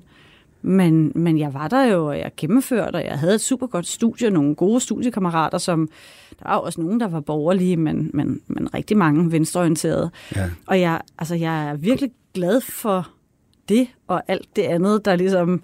Kunne det give dig følelsen af ensomhed på studiet? I, ja, øh, jeg ved ikke, om det er ensomhed, men sådan en følelse af, at man jo godt kan mærke, at man er, øh, at man er i en position, hvor man ikke, eller hvor jeg ikke tilhørte flertallet, når vi taler politik. Og, mm. og, og, og det var jo kun politisk, fordi når vi festede, så var der jo andre, der ikke var med. Og når vi, altså, man er jo på den måde øh, som menneske mere end bare ens politiske observans, men når vi talte politik, hvilket vi ikke gjorde vildt meget, men når vi gjorde det, så, øh, så kunne jeg da godt mærke, at så var jeg, øh, så, så stod jeg noget alene. Men jeg tænker også sådan på, hvad kan man sige, uniformen. Ja. Altså, Øh, øh, for det var nok, i virkeligheden fyldte det nok mere end det politiske. Øhm, altså, arkitektskolen er jo sådan et sted, og det lyder mærkeligt, fordi det er jo kreative mennesker, det er jo folk, der skal ud og, og udfolde deres kreativitet. Men, øh, men da jeg gik på arkitektskolen, jeg ved ikke, om det stadig er sådan i dag, men, men, øh, men, men på Kunstakademiets arkitektskole, da jeg gik der, der var der virkelig sådan en, en larmende tavshed af, af en stil, som man skulle holde sig indenfor. Altså noget bestemt tøj, Bestemt en bestemt måde, tøj og ens sådan en- klippet en- på. Og en, øh, sådan en lidt tjusket, pjusket. Ja, øh, det var sådan en, der var sådan en frygt for at stikke ud. Jeg kan huske, sådan et helt konkret eksempel var, at, og det var der, det blev meget åbenlyst for mig, øh, var ved en åbning et år i forbindelse med øh, en ny øh, sæsonstart, skulle jeg til at sige. Øh, starten på, øh, på et nyt skoleår, studieår, hvor øh, vi havde et orkester, det var lige efter, vi var flyttet ud på Holmen inden fra, fra Kongens Nytorv, og så var der et øh, orkester over fra Musikkonservatoriet, som kom og skulle underholde, og så skulle den her sal, vi sad i to række, eller to sider af salen, og salen skulle så deles op, og vi skulle gøre nogle ting i forbindelse med, at de spillede. Og jeg kan ikke huske, om det var noget, med, vi skulle klappe, og vi skulle sige en lyd, og så videre. Mm. Og folk gjorde det ikke. De kunne simpelthen ikke få sig selv til at være med, altså give slip og være i det der. Og jeg har altid været sådan meget øh, åben og sanselig, og altså kan virkelig godt lide livet, og er ikke bange for at, at, at være, altså, være til øh, med alt, hvad det nu giver, også af udfordringer. Men, øh, men der slog det mig, at her sidder jeg simpelthen med nogle mennesker, der øh, skal ud og være kreative, udfolde deres kreativitet, men som virker som om, de er bange for overhovedet at leve. Mm. Og det var meget mærkeligt. Jeg, jeg har sådan spurgt forskellige øh, mennesker, blandt andet herinde på Weekendavisen, hvad, fordi jeg vidste ikke, hvad dine forældre lavede. Nå, da nej. de arbejdede. Så jeg spurgte ligesom, "Nå, hvad tror I, hendes forældre lavede? Og så Ja. var de sådan, ah, det ved jeg ikke. Og sådan noget. Okay, prøv at gætte, bare gæt. Ja. Ja. kig på Pernille, hvad laver hendes forældre? Ikke? Så var de sådan, ja, det ved jeg sgu ikke. Så sagde jeg, de er jo kabinepersonale. Så var alle folk var sådan her, nå ja, selvfølgelig. Nå, Og, og der, der, jeg, jeg tror, de mente, at du godt kunne ligne en en stewardesse? stewardesse.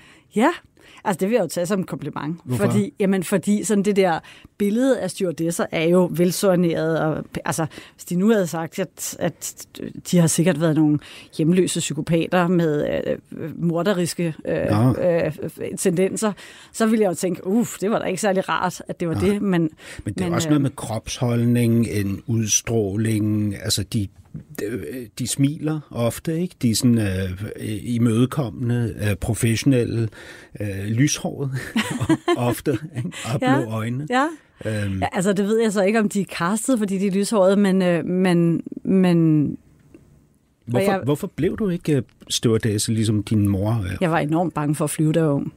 Er det derfor, du ikke blev det? Nej, men jeg har aldrig tænkt over, at det skulle jeg være. Altså, det har simpelthen aldrig ligget i Og kortene. er heller ikke din søster, Mia? Jo, min søster, mens hun læste til, øh, hun er jo så veterinær i dag, dyrlæge, ja. øh, og under hendes studier øh, fløj hun i SAS, og hun gjorde det også før hun begyndte på veterinærskolen, eller veterinærland på højskolen hed det jo dengang. Men, øh, men nej, det har aldrig ligget. Jeg har aldrig sådan skænket en tanke, at det skulle være noget for mig, at jeg jeg tror, jeg tror ikke, jeg ville... Øh, faktisk har jeg, jeg har jo arbejdet på bar og restauranter og været enormt glad for, Var for du god det. til at arbejde på bar og på Ja. restaurant? Ville du have været god i en kabine? Når jeg sådan ser på det i dag, Bortset så tror jeg ud over, at jeg ikke var så, så pjattet Ja. med at flyve. Har du stadig Øhm, flyskræk? Jeg er ikke sådan vild med det. Altså, jeg er ikke sådan, jeg, det er bedre. Efter jeg har fået børn, har jeg vendet mig til, jeg vil ikke have, at de får det. Det er frygteligt, ja. Når man ikke er glad for at flyve. Og det kom lige pludselig som teenager. Jeg har fløjet hele min barndom, og pludselig så kom det. Hvor, hvor, hvor gammel var du? Jeg har været 15-16 år. 15-16 Øhm. år, så før du fik at vide, at din mor Ja. led af Huntingtons Ja. Korea. Ja, det havde ja. slet ikke. Det, jeg tror, det kom sig af, at jeg begyndte at flyve alene. Mm. Øh, havde en kæreste, som, øh, som boede... Ej, jeg har været 16, for jeg gik i første G. Jeg havde en kæreste, som boede i London, mm. og, øh, og var derovre at læse. Og han, øh, når jeg skulle frem og tilbage til ham, så kunne jeg mærke, at Au, der er et eller andet her, der ikke er rigtig rart. Var, jeg tror, var det der kommer. noget i det forhold, som ikke var rigtig rart? Nej, det var der ikke overhovedet. Men, men der, var- jeg tror bare, der var sådan en... Pludselig lagde jeg mærke til, at flyet bumpede, og, mm. og, og man sådan tænker... Åh. Og så gjorde min far det ikke nemmere vide, at han, det, der oprindeligt var bange, eller det, jeg oprindeligt var bange for, det var at være i luften. Og det der med, så hænger man deroppe, og så pludselig er der et lufthul. Ja. Og øh, da jeg så fortalte det til mine forældre, så siger min far, så upædagogisk og udiplomatisk og politisk ukorrekt, som han overhovedet kan være, du skal ikke være bange for at hænge i luften. Det er sjældent, at flyulykkerne sker, mens flyet hænger i luften. Det er altid, når man letter og lander, det sker. ja. Ja, så hvad skete der? Der skete jo bare det, at jeg var utrolig bange hjemmefra. når Jeg, billedet er landet. Ja. ja. Så nej, det har aldrig ligget i kortene, men, men øhm, Der er nogen, der Men siger jeg- om folk, der lider af flyskræk, at det er folk, som er bange for at slippe miste kontrollen. kontrollen. Ikke? Ja, ja, ja, det har jeg faktisk også tænkt rigtig meget over. Ja. Jeg tror, det der er det, det, jeg er mest bange for, det er, at når man dør i en fly, flyulykke, så får man jo ikke sagt farvel. Nej. Jeg har sådan et eller andet med det der med at dø pludseligt fra Men dem, man elsker. man får heller ikke sagt farvel, hvis man dør i en bilulykke. Nej, det var, jeg var faktisk også i en periode, lige efter jeg havde fået kørekort, kørte jeg med min daværende svigermor, ja. og hun kørte galt en virkelig ubehagelig ulykke. Øh, Øh, der fik jeg også nogle år, hvor jeg ikke var pjattet med at, at sidde Ja, ved siden på, af på altså, cykel i en højresvingsulykke ja, jamen, jeg, altså som faktisk... fodgænger, Ja, når du jeg heller ikke har fået sagt farvel. Farvel. Nej, Nej. nej. Men, øh, men der er også nogle af de der ting, som jeg har det sådan lidt stramt med. Jeg kører racercykel, og jeg må indrømme, at hver gang jeg skal ud, øh, så har jeg sådan lidt, ah, er skal der for meget trafik nu? Du skal og, passe på de der højre øh, Du ved godt, det er 60 procent af dem, der bliver kørt ned, det er kvinder. Ja, jeg, får, jeg, jeg skifter køn, det kan man jo nu. Fra den ene dag til den anden kan man. Altså, så hvis man bare blive- skifter, for ikke at være en af dem, der Men jeg tror ikke, det er fordi, at, øh, at lastbilchaufførerne går efter Jeg kvinder. Jeg, jeg, Nå, det mener du alligevel ikke. Nej, det er helt ja, værd. det, det er lidt upædagogisk, det her, kan jeg ja, godt med. ja, ja. Men prøv Ja. at høre, Pernille. Øh, Nej, det der- lå ikke i kortene for mig at blive steward eller stewardesse, men jeg tror, at mine forældre har været gode til det, fordi de er øh, både velsoneret, men faktisk også utroligt. Og du ville øh, også have været god, tror du? Jeg, Du er da også altså- vel, velsøgneret. ja, øh, jeg er bange for, at jeg ville komme til, at udover at jeg ikke er pjattet med at flyve, at jeg ville øh, komme til at savne min familie for meget.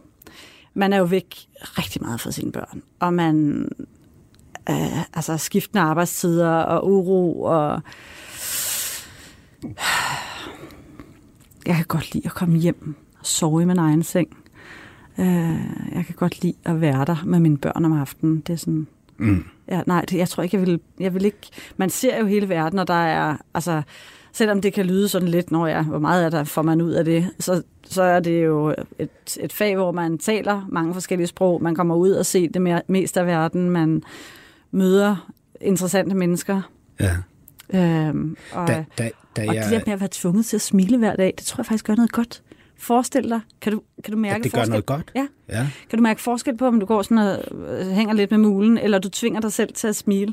Kan du Jamen, mærke, der kommer sådan en lille altså, smule jeg, ekstra jeg, glæde? Jeg er jo opdraget helt anderledes. Jeg har lært, at hvis du, øh, hvis du skjuler din, øh, din inderste følelser, som jo ofte er, hvad hedder det, frygt og angst og vrede og sådan noget, hvis du skjuler det øh, med et kunstigt smil, så får du kraft. Nå, åh oh, gud bedre det. Ja. Ja, altså Så- for det første skal man jo ikke gå rundt med sådan noget angst og vrede og sådan noget indeni. Det skal man jo have ud.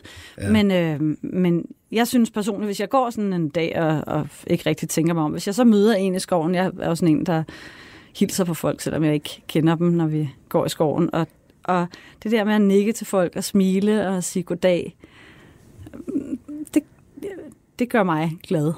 Øh, jeg, jeg synes, jeg bliver, jeg bliver Ja, glad. Det virker som om, at der, der er noget andet, der også gør dig glad, øh, når man øh, kigger på, hvilke drømme du har for, for de karriere, du kunne have haft. Ikke?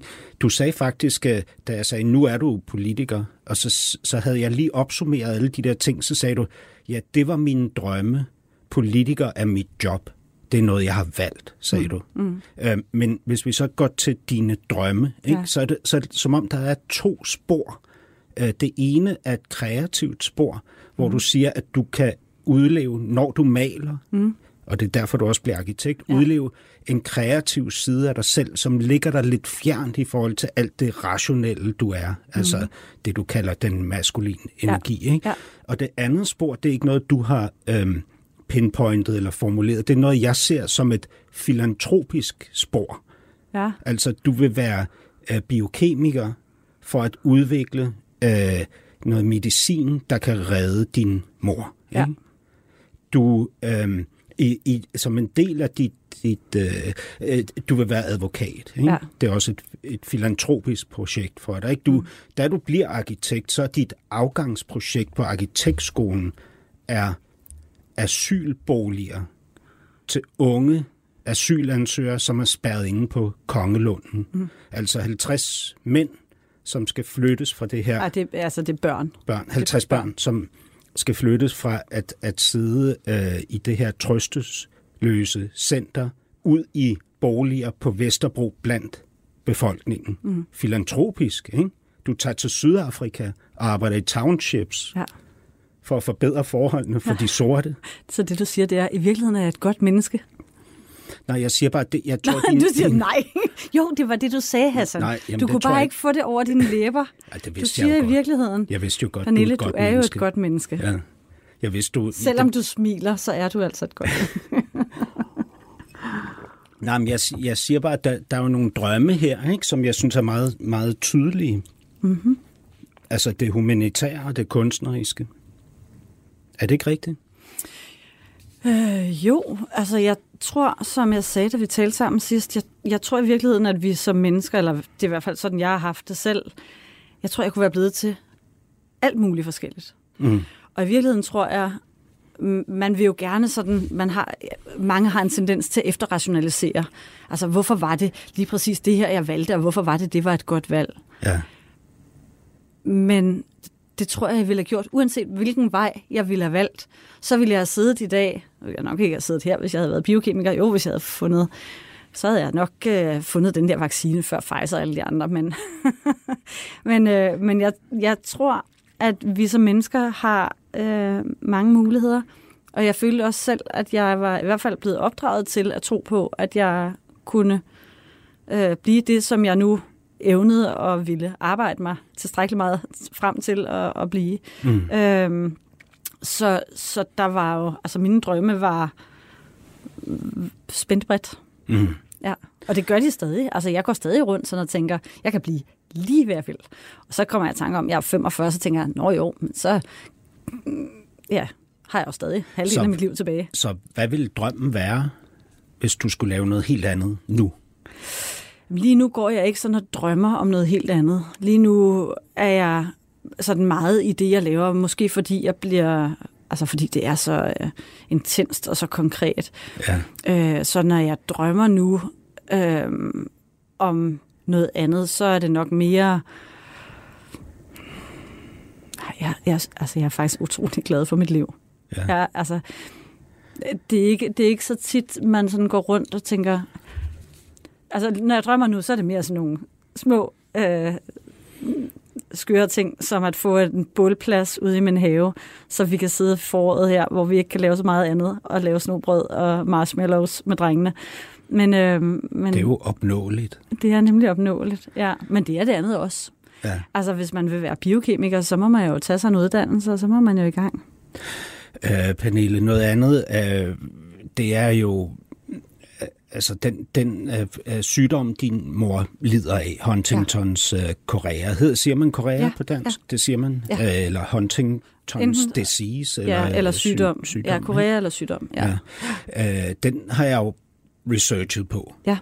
Det er jo en frygtelig, frygtelig, frygtelig sygdom. Mm. Altså det er jo nærmest som om, at det er, hvad kan man sige, en cocktail af alle de sygdomme, og Parkinson, og, Parkinson og ja. demens og ja. alt, alt sådan noget oven i hinanden, ja. ikke? Ja.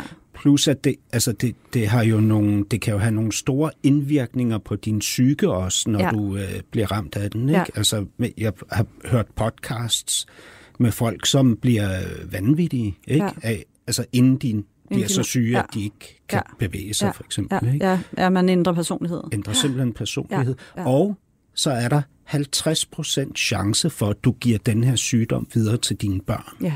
Den sygdom har din mor. Ja.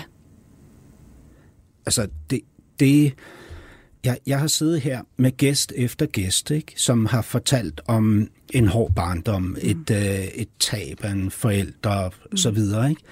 Altså, øh, jeg kan nærmest ikke forestille mig øh, noget værre, Nej. End at få at vide som 19, 18, 18-årig. 18 ja, at ens mor har den sygdom. Ej, det var... De kom over og hentede dig over på... Ja, de kom op de, på mit gymnasie. Hvor, hvorfor der? Jamen, de kom direkte inden fra, fra Rigshospitalet, hvor de havde fået prøvesvaret. Og hvor var din søster? Øh, hun var... Jeg tror, hun var i, øh, jeg tror, hun var i Mexico, eller var hun i Spanien? Hun havde et år i udlandet. Mm. Jeg tror, det var det år. Ja. Men hun gik ikke på, vi gik ikke på samme gymnasie. Jeg gik på det her røde gymnasie. Hun gik faktisk på et mere borgerligt gymnasie. Og hvorfor valgte de, øh, hvorfor var din mor blevet testet? Var det på grund af din mormors? Øh, ja, fordi min mormor har sygdom. Min mors far døde, da hun var helt ung. Ja. Og, og indtil min mor blev testet, og blev, eller blev tilbudt at blive testet, der var det sådan, at hvis man skulle have videre, man havde sygdommen, øh, så skulle man have blodprøve både fra ens mor og fra ens far. Mm så fandt man ud af, hvilket øh, gen den her sygdom sad på, og da man fandt ud af det, så kunne man teste, så fandt man ud af at teste på alene på min mor, uden at uh, skulle teste på hendes forældre. Ja. Uh, og hun kunne jo af god grund ikke teste sin far, eftersom han havde været død i, i mange år. Uh, så da hun fik det tilbud, så sagde hun ja. ja. Og, uh, og så går der jo noget tid, før man så får svaret. Og, uh, og da hun så havde været inde og få svaret, så valgte de at køre direkte op på gymnasiet og fortælle det. Ved du, om de havde overvejet... Øh, øh, ja, i, I mange af de interviews, jeg har læst og hørt, ja. og sådan noget, der, der overvejer folk, der har Huntingtons disease eller øh, Korea, ja. at, mm. at øh, ja, selvfølgelig det her med, om de skal få børn ja. selv, ikke? fordi ja. der er så stor sandsynlighed for at give det videre. Ved ja. du, om dine forældre overvejede det her? Øh, nej, det ved jeg faktisk ikke, men jeg ved, at altså, det eneste, min mor bekymrede sig om, da hun fik at vide, at hun havde sygdommen, det var, at hun potentielt havde givet den videre til os. Ja. Altså alt andet. Hun var fuldstændig ikke ligeglad med, at hun havde den selv, men, men jeg kan huske i de der år, før min søster og jeg fik svar, min søster fik svar først og blev testet først, og jeg blev en del år senere. Øhm, og det var, det var, der kunne jeg mærke på hende, det, var, det kunne hun ikke, altså det var svært for hende at bære. Hun er ellers en ret stærk kvinde. Da vi så begge to havde fået at vide, at vi ikke ville få sygdom, og så er den jo ude... Først din søster, først faktisk søster, ret ja. mange år før dig. Ja. Ikke? Du venter jo, seks år, ja. seks, syv år før, seks år du, før jeg får den, for før du bliver, bliver testet. testet. Ja. Og da jeg så også går fri, og den dermed er ude af vores gren af familien, der, øh, altså hun var så lykkelig, hun var så glad. Og, og, og jeg tror i virkeligheden i alt det her, den sorg, man selv ville have ved at få en dødsdom, som det jo er, når man får at vide, at man har en sygdom, som man formentlig dør af, før man dør alt muligt andet. Øh, den sorg, der ligger i det, er blevet til en, måske i virkeligheden en lettelse over, at, øh, at hun ikke har givet det videre til os andre. Ja. Man, altså, det er hva, jo ikke en sygdom, i de som man... år, de syv år, seks ja. år, ja. Hvad, hvad overvejer du der? Altså, du, da din søster bliver testet negativ, ja. ikke? så tænker man vel... Ja, det gør man præcis. Så tænker man, shit, der er ja. ikke stor sandsynlighed for, for at, jeg også to. er... Nej, præcis. Ja. Og der er jo præcis lige så stor sandsynlighed. Altså, det er jo 50 procent per næse, så det er jo ikke sådan, at det logisk er sådan, at hvis den ene får det, så får den anden det ikke. Og eller hvad omvendt. i forhold til at få børn? Jamen, altså, der, det vidste jeg jo, at jeg ville, jeg ville ikke have børn, som ville kunne få sygdom, men jeg fik også allerede før jeg... Så du altså, vidste, hvis du var positiv, så altså, ville du ikke få børn? Jo, fordi jeg fik faktisk at vide, at, øh, øh, og det fik jeg at vide, da, da min mor blev, øh, øh, blev testet positiv, der var vi inde og havde et møde med, øh, med den læge på, på Rigshospitalet, som havde, øh, eller på Panum Instituttet var det faktisk, som, øh, som har mest forstand på det her i Danmark. Han fortalte, at man, hvis man har øh, er disponeret for sygdommen, så kan man få lavet kunstig befrugtning med sin egen æg, men så vælger de æg ud, som ikke har det psyken. Mm. Så det var der faktisk mulighed for, men det er jo noget mere besværlig proces. Men man skal stadig overveje, om man så vil have et barn, som godt nok bliver rest, men som med 100% sandsynlighed vil få en mor, som bliver syg og dør. Ikke? Jo, men jeg vil sige, altså jeg overvejede ikke, at det ikke ville være en mulighed for mig at blive mor. Det er, sygdommen er typisk sådan, at hvis man er kvinde og får den af sin mor, så får man den senere, end hvis man er mand og får den af sin far. Din mor, og alt det din mor har levet med den i 20 år. Ja, min mor er, hun er fra 52, så hun er, hun er i den der alder igen, som jeg simpelthen... hun, er, hun fylder jo så øh, 69 i år nu til sommer øhm, og er på plejehjem og har været på plejehjem nogle år efterhånden. Så hun er selvfølgelig ung i forhold til, at hun er på plejehjem, men hun er stadig jo trods alt øh, en moden kvinde, der har altså, som har været boet hjemme og, og klaret sig, mm. øh, indtil vi var voksne og selv havde fået børn. Øh, og der er jo trods alt nogle af mine veninder øh, og i min bekendtskabskreds, som har mistet deres forældre før. Så det, det er ikke noget, jeg vil... Altså, det vil jeg ikke tænke, at, at fordi jeg dør som 72-årig eller 73-årig, så kan jeg ikke sætte børn i verden. Men jeg ville på ingen måde sætte børn i verden med en viden om, at jeg kunne altså sætte børn i verden, som mm. potentielt havde øh, sygdommen, hvis jeg vidste, at jeg kunne få børn, som men, ikke men havde det. der er jo meget mere i det her, end at din mor skal dø. Altså, der er jo også det i det, at I har levet med øh, bevidstheden siden du blev hentet ud af det klasselokale ja. i 3.G. Ja. Bevidstheden om, at din mor vil blive meget, meget syg, Ja. og at hun vil dø, og at Ja. ja. tegnene på, at hendes sygdom udvikler sig, er noget, I kan studere og observere. Ja. Altså i ufrivillige bevægelser, ja. personlighedsforandring. Ja. Ja. Og, Og det videre. bliver man jo meget bevidst om, altså, eller jo, siger jeg, men det bliver man faktisk meget hvad, bevidst hvad om. blev du bevidst om? Øh, jamen, jeg, altså, jeg tror i virkeligheden, at jeg har set min mor syg længere, end hun har været det. Øh, og jeg kan huske, så du har vi... nærmest ikke set hende rask, siden du var Nej. 18 år? Nej, det har jeg nærmest ikke. Uden at hun jo har været syg, men fordi man går og observerer de der tegn, eller fordi jeg gik og observerede de her tegn, så, øh, så har jeg, sådan, når jeg ser tilbage på det, så kan jeg mærke, at jeg i virkeligheden har spildt nogle år. Og jeg kan bedst sammenligne det med, at, øh, at mange af os, når vi er unge, så har vi sådan et forhold til vores krop, at åh, vi skammer os lidt. Og når man så 20 år senere ser tilbage på den der krop, man havde som 18-årig, så tænker man, hvorfor værdsatte du det ikke? Og det er jo desværre det her Altså, med livet, hvorfor, ikke? hvorfor så jeg ikke min mor som et rask, rask menneske, menneske, jeg kunne, jeg kunne øh, hvad hedder det, udveksle med og ja. leve med Ja. på, på det Ja. plan?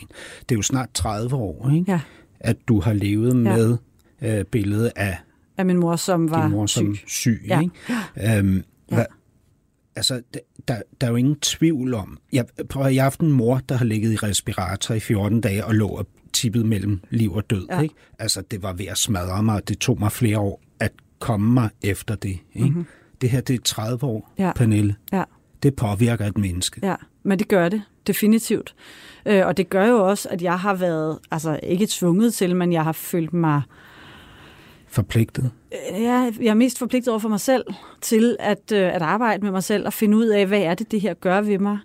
Og, hvad, Øh, og og hvad, jeg- hvilke konsekvenser har det haft for dig? Jamen, altså jeg tror for det første, er der den periode, der går fra min mor for at vide, hun har sygdommen, til jeg bliver erklæret rask.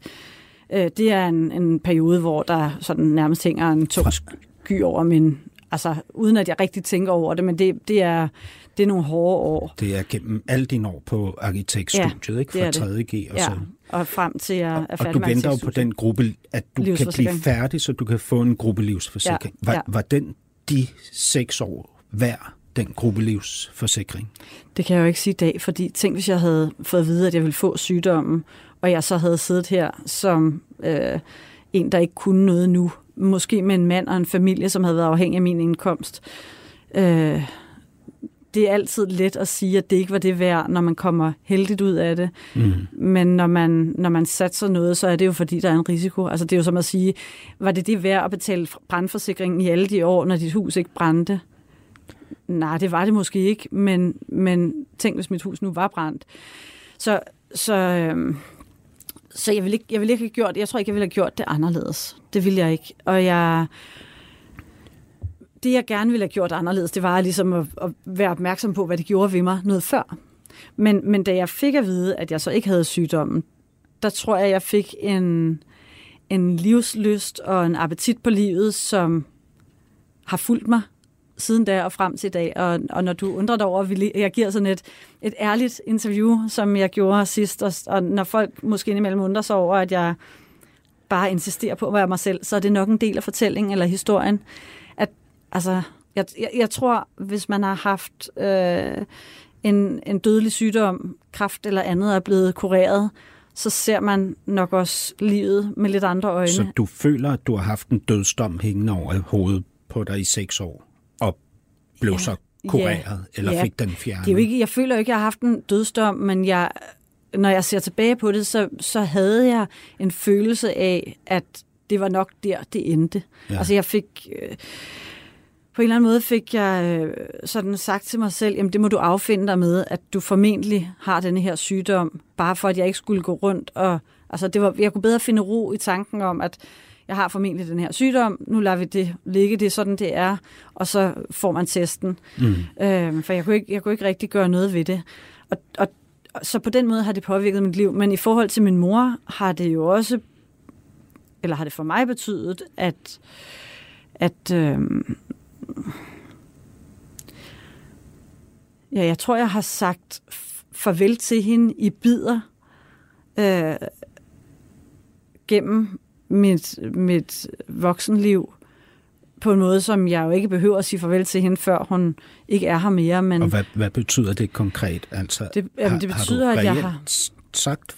Nej, det har jeg ikke. Nej. Jeg har ikke reelt sagt farvel til hende, men jeg har, øh, jeg har inde i mig selv accepteret, at min mor, at de forventninger, som andre, selv voksne mennesker måske har til deres mor, dem kan jeg ikke have til min mor. Altså jeg kan ikke have en forventning om, at hun øh, øh, er der, når mine børn skal konfirmeres, eller øh, står med åbne arme, når jeg skal præsentere min mand, eller hvad det nu måtte være.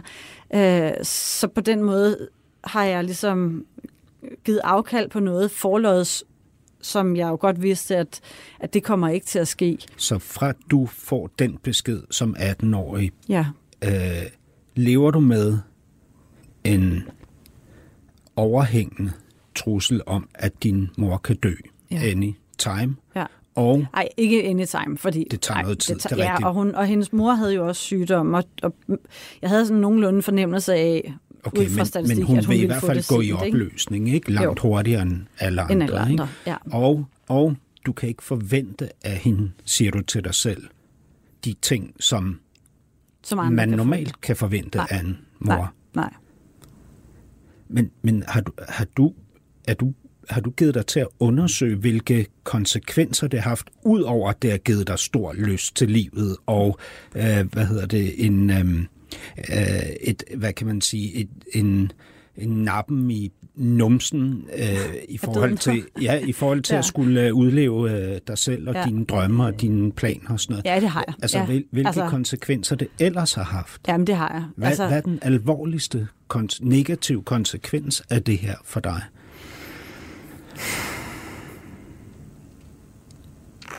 Jamen, den alvorligste negative konsekvens er jo, altså, hvis, jeg, i virkeligheden den alvorligste negative konsekvens er jo, at jeg lever med sorgen over, at min mor ikke har haft det voksenliv og, og det liv i sit otium, som andre har og kan få.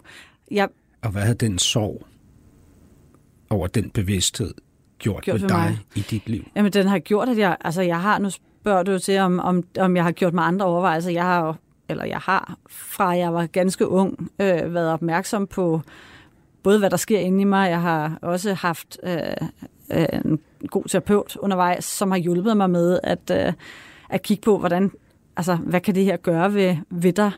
Øh, Og hvad har I fundet ud af? Hvad har det gjort ved dig? Jamen, det har... øh, Altså, det, det har... I virkeligheden har det... Det lyder lidt mærkeligt, men, men udover at jeg er dybt ulykkelig på hendes vegne, og er ked af ikke at have min mor, så har Så det... ked af det på dine egne vegne Jeg er ked af det på min egen vegne. Ja. Så har det, at jeg ret tidligt har skulle forholde mig til så store følelser og til mit følelsesliv Din kærlighed til hende. og min kærlighed til hende Du har, elsker hende meget højt. Ja, det gør jeg. Øh, så har det, altså så har det jo givet mig den, hvad skal man sige,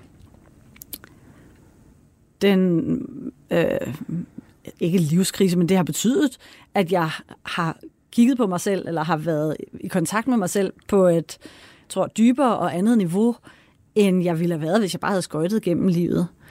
Ja. Øh, og jeg, og, og igen, med risiko for, at det lyder kynisk, jeg ville jo selvfølgelig ønske, at min mor ikke havde sygdom, og jeg ville ønske, at jeg ikke havde sluppet Ja, hende.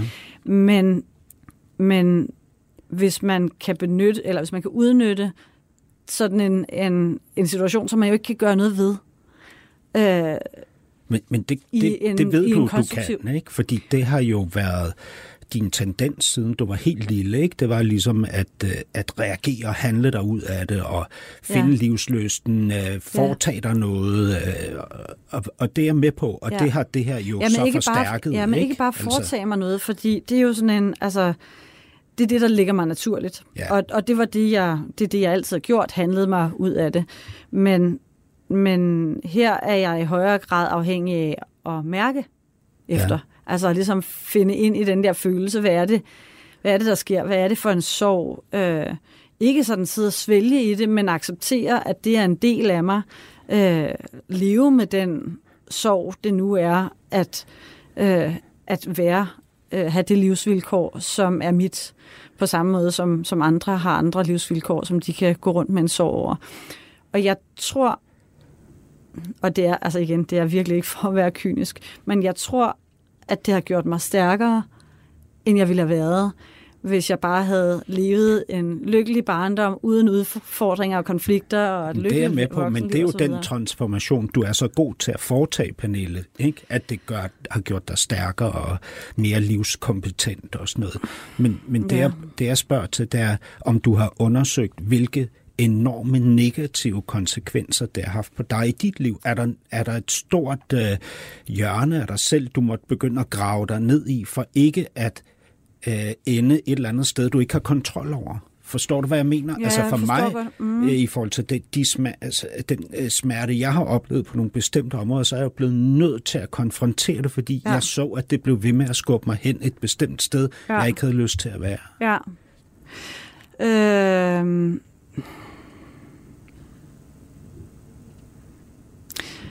Jeg kan ikke, altså jeg kan ikke sige, at det har, at det har haft sådan en. Øh... Jeg føler ikke, at det er noget, som er blevet sådan pakket væk, og dermed et monster, som har fyldt noget, det ikke skulle fylde. Ja. Øh, jeg tror i virkeligheden, at, og, min, og, og det var min mor, der, da vi var unge, sådan introducerede os for, for psykoterapi og, og hele det sådan, øh, ja. de dybere lag af mennesket. Så, så på den måde har hun jo ført os ind i, øh, i en, en viden om os selv, som måske har været, ja, har været en ballast for mig. Jeg, jeg, Kan det det, eneste, være, jeg sådan har kan det være, der over... ligger noget, som du ikke har opdaget endnu, eller som du ikke har undersøgt, eller som du er kommet til at gå udenom, som er sådan et blind spot? Altså, det kan der jo sagtens være. Det vil jeg jo ikke vide, hvis det er et blindspot. Hvi- Hvis, nej, fordi hvis nu din tendens er, Pernille, Ja. at når du bliver presset på følelserne, Ja. ikke? På, øh, Ja. og du mærker smerte, ikke? Ja. så bliver det af, af afgørende betydning for dig at bevare kontrollen.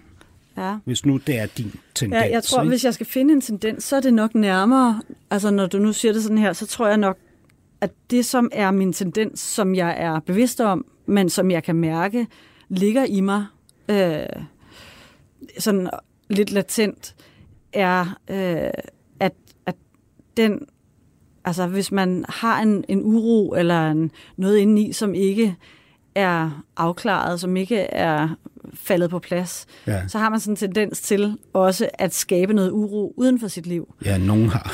Nogle har. har. Jeg Ja. har. Ja. Ja, men det, jeg, tror, jeg tror i virkeligheden, det er ret, øh, ret typisk, at man, at man gerne... Altså, Projicerer man, det over. Ja, og så at- man ikke at- står alene med det. Ja, Måske. eller at man, at man får skabt nogle situationer i sit liv, som, som bliver mere komplicerede, end de behøver at være. Ja. Og det har jeg virkelig skulle arbejde med. Altså jeg har virkelig skulle arbejde med at finde glæde i roen og i...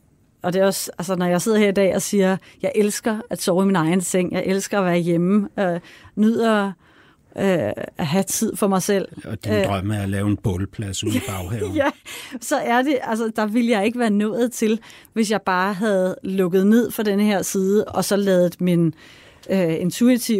øh, f- øh, tilgang til det, altså min, hvis jeg bare havde lavet min, min natur handle mig ud af det her, så ville jeg have rejst jorden rundt, og så ville jeg sikkert have været øh, uden børn, og, øh, altså, og levet sådan et, et mere, øh, ja, Men der har flyskrækken holdt dig tilbage. Jamen, det tror, jeg tror ikke, ja, det, det tror jeg så ikke engang, det vil, jeg ved det ikke, men det er også mest til overført betydning, men, men den der, altså jeg, jeg tror virkelig, og ja, det er slet ikke, fordi jeg er perfekt færdig indeni, altså det er, det er dagligt arbejde, Ja. altså det er, og man bliver aldrig færdig, øh, eller jeg gør i hvert fald ikke, så det er ikke, fordi jeg føler, at jeg er, at jeg er, er perfekt eller rigtig, men jeg prøver virkelig at være opmærksom på,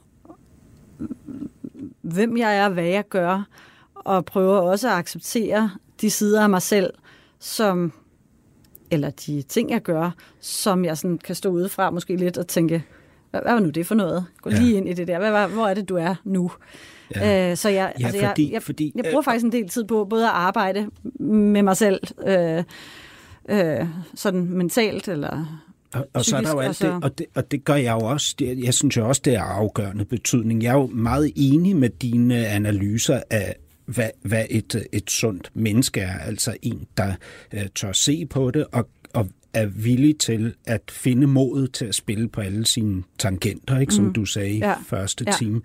Øhm, man ved jo bare ikke, hvor stort det der klaver er. Man ved faktisk ikke, hvor mange Nej. tang- tangenter der er, og, Men- og du ved jo heller ikke, hvad der vil ske med dig den dag, din mor Dør. rent faktisk Nej, dør. ikke? nej. Øh, og så, så er der jo også alt det der, man, altså der, hvor man ligesom bare begynder at spille melodier, fordi at nu blev man god til den der, ikke? Og så sidder man bare igen og igen og spiller Lille Lise, Lille, eller hvad de nu hedder, ikke? Ja. Øh, frem, og, Ja. og, og har en fornemmelse af, at man rent faktisk øh, spiller på hele klaviaturet, ikke? Men det, men Øhm. det tror jeg faktisk ikke, jeg gør. Altså, Men- jeg, men tror, der- jeg ja. tror ikke, jeg... Jeg, altså, jeg tror ikke, jeg er færdig med at udvikle mig. Det er også derfor, jeg siger, det er jo, det er jo dagligt arbejde. Jeg tror aldrig, jeg bliver færdig. Ja. Øh, altså, jeg tror, når jeg... Nu fik min far kraft for nogle år siden, og, og det var jo også sådan en... Shit, mand. Og i virkeligheden var det næsten... Da min mor fik at vide, at hun var syg, der blev jeg dybt ulykkelig, og, der var, altså, og det var forfærdeligt. Men jeg mindes ikke, at jeg dengang havde lyst til at dø selv. Mm. Da min far fik kræft for nogle år siden, og vi er meget tætte. Min mor har været tæt med min søster, og jeg har været tæt med min far. Øh, ikke fordi de ikke har elsket, øh, min mor ikke har elsket mig, min far ikke har elsket min, min søster, men vi, altså der, ja, vi har bare haft en, en tættere forbindelse. Og da han fik at vide, at han havde kræft, og jeg fik at vide, at det var en, altså, der var en overvejende sandsynlighed for, at han ikke klarede den. Der kan jeg huske, at jeg tænkte, hvad er det for et liv, jeg har tilbage, hvis ikke han er her? Mm. Og, altså, og, og det kom bag på mig. Han er 71 i dag. Er, Er han 71? Nej, han, han er, han er fra 49. Jo, han er 71, han fylder 72 er år. han fri af... Ja, han blev kræft? gudskelov rask. Altså, på den måde er vores sundhedsvæsen jo på alt det specialiserede helt utrolig fantastisk. Øhm, Men så, du tænkte, men hvad jeg, er det for et liv? Men jeg, jeg tænkte, hvad er det for et liv, jeg har, hvis ikke han er her? Og, og det kom bag på mig, at jeg blev øh, så ramt af det, fordi jeg jo ved, at han formentlig skal herfra, mm. før jeg skal. Så på et eller andet tidspunkt er vi jo i en situation, med mindre der sker noget forfærdeligt med mig, og han bliver 130, øh, så er vi jo i en situation, hvor vi skal sige farvel til hinanden. Og, altså, det kan jeg slet ikke bære. det der jo er, øhm, som, som ja, øh, nu, nu talte vi i, i første time om øh, ringen fra Ja. Ringenes Herre. Ja. Altså den her magt-hersker-ring, Ja. ikke? Ja. som Frodo jo får til opgave at øh, sænke ned i malmen i den Ja. anden ende af det her univers, de bor i, Ja. for at øh, Sauron aldrig nogensinde skal få fat i den. Ikke? Og så, og så sagde du, at uh, Frodo, han, uh, han kan jo det her, fordi han er god og kan bekæmpe ondskab. Og jeg sagde, nej, det er faktisk Sam, som ja. sørger for, at, at han får gjort det. Men, men det er ikke sandt. Det er ikke Sam, fordi han slår faktisk Sam ned og vil beholde ringen, Frodo. Det, der så sker, det er, at Gollum, altså det her Ja. onde, Ja. onde Ja. misfoster, Ja. har fulgt dem Det er rigtigt. Ja. hemmeligt. Ja, Og han springer så frem ja, og bider fingeren af Frodo, ja, så han taber ringen ned i malmen, og den går til grunde. ja. Men han bærer den hele vejen. Han, han, han den- står meget igennem, ikke? Han, ja, altså man kan også sige, at hans venner står meget igennem, fordi de dør faktisk som fluer for at det beskytte rigtigt, ham. det er rigtigt, det er Øh, og da Men- han så men skal bliver- afstå ringen, Ja, efter alt ikke. det her, Ja. som han har puttet Ja. virkelig mange mennesker Ja. igennem, og sig selv, Ja. så vil han ikke af Nej. med den. Men, øh, men, men du har nok en pointe i, at, at hvis den samme bærer ringen så længe, altså at, at der er en, at magt korrumperer. Ja. Øh, Ja, og nu, det er nu egentlig var det, det jeg jo vil- sådan lidt overført betydning, men, men for mig jeg forstår, er det... Men, men det er jo en fare, og, og jeg tror, grunden til at sådan nogle arketypiske øh, øh, kunstprodukter, som for eksempel Ringenes Herre, rammer os så dybt, som de gør, er, at de øh, bærer på en fortælling, som, Ja. vi, som vi ved på, en eller anden, på et eller andet niveau er sand. Ja. Ikke?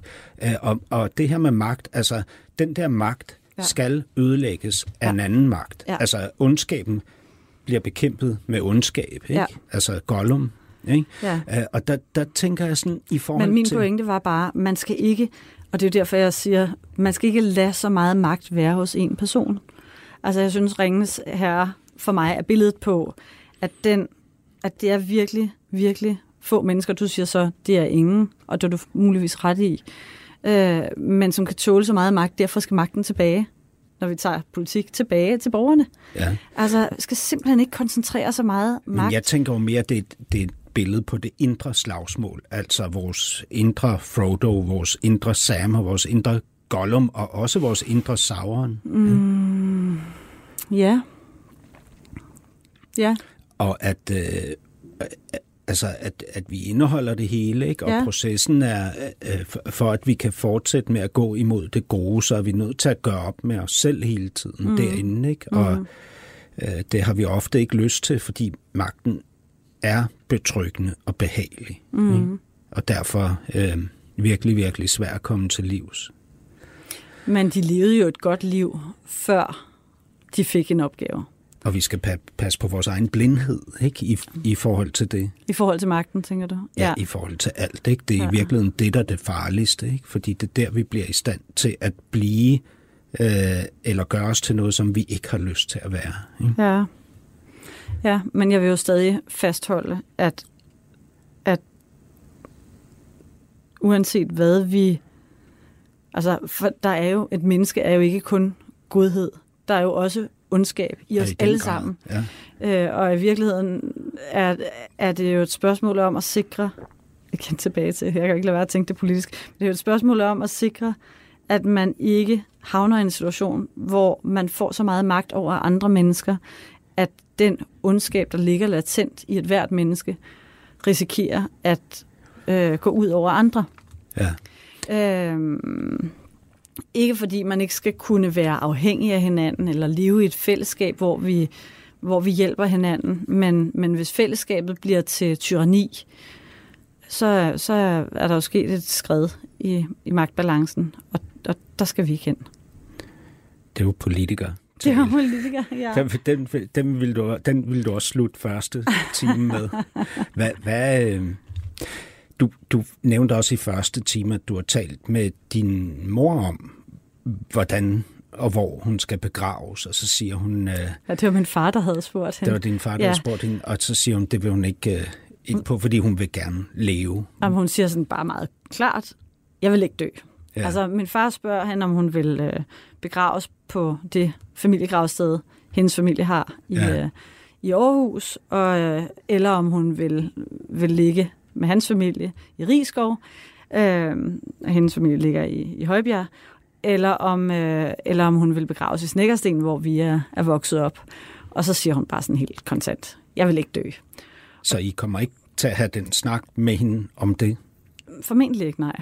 Og, og det er jo så hendes valg, og det jeg tror, i bund og grund er hun jo ligeglad til den tid, er hun har jo ikke. Men, men, øh, men for mig var det sådan en, jeg, altså jeg synes, jeg tager det som et, et tegn på styrke, at hun, at hun rent faktisk nyder livet, mm. øh, og er glad for at være i live, til trods for, at hun er i en situation, som jo set udefra er så barsk, som den overhovedet kan være. Hun kan ingenting selv. Mm. Øhm, Og hvad med dig, Pernille?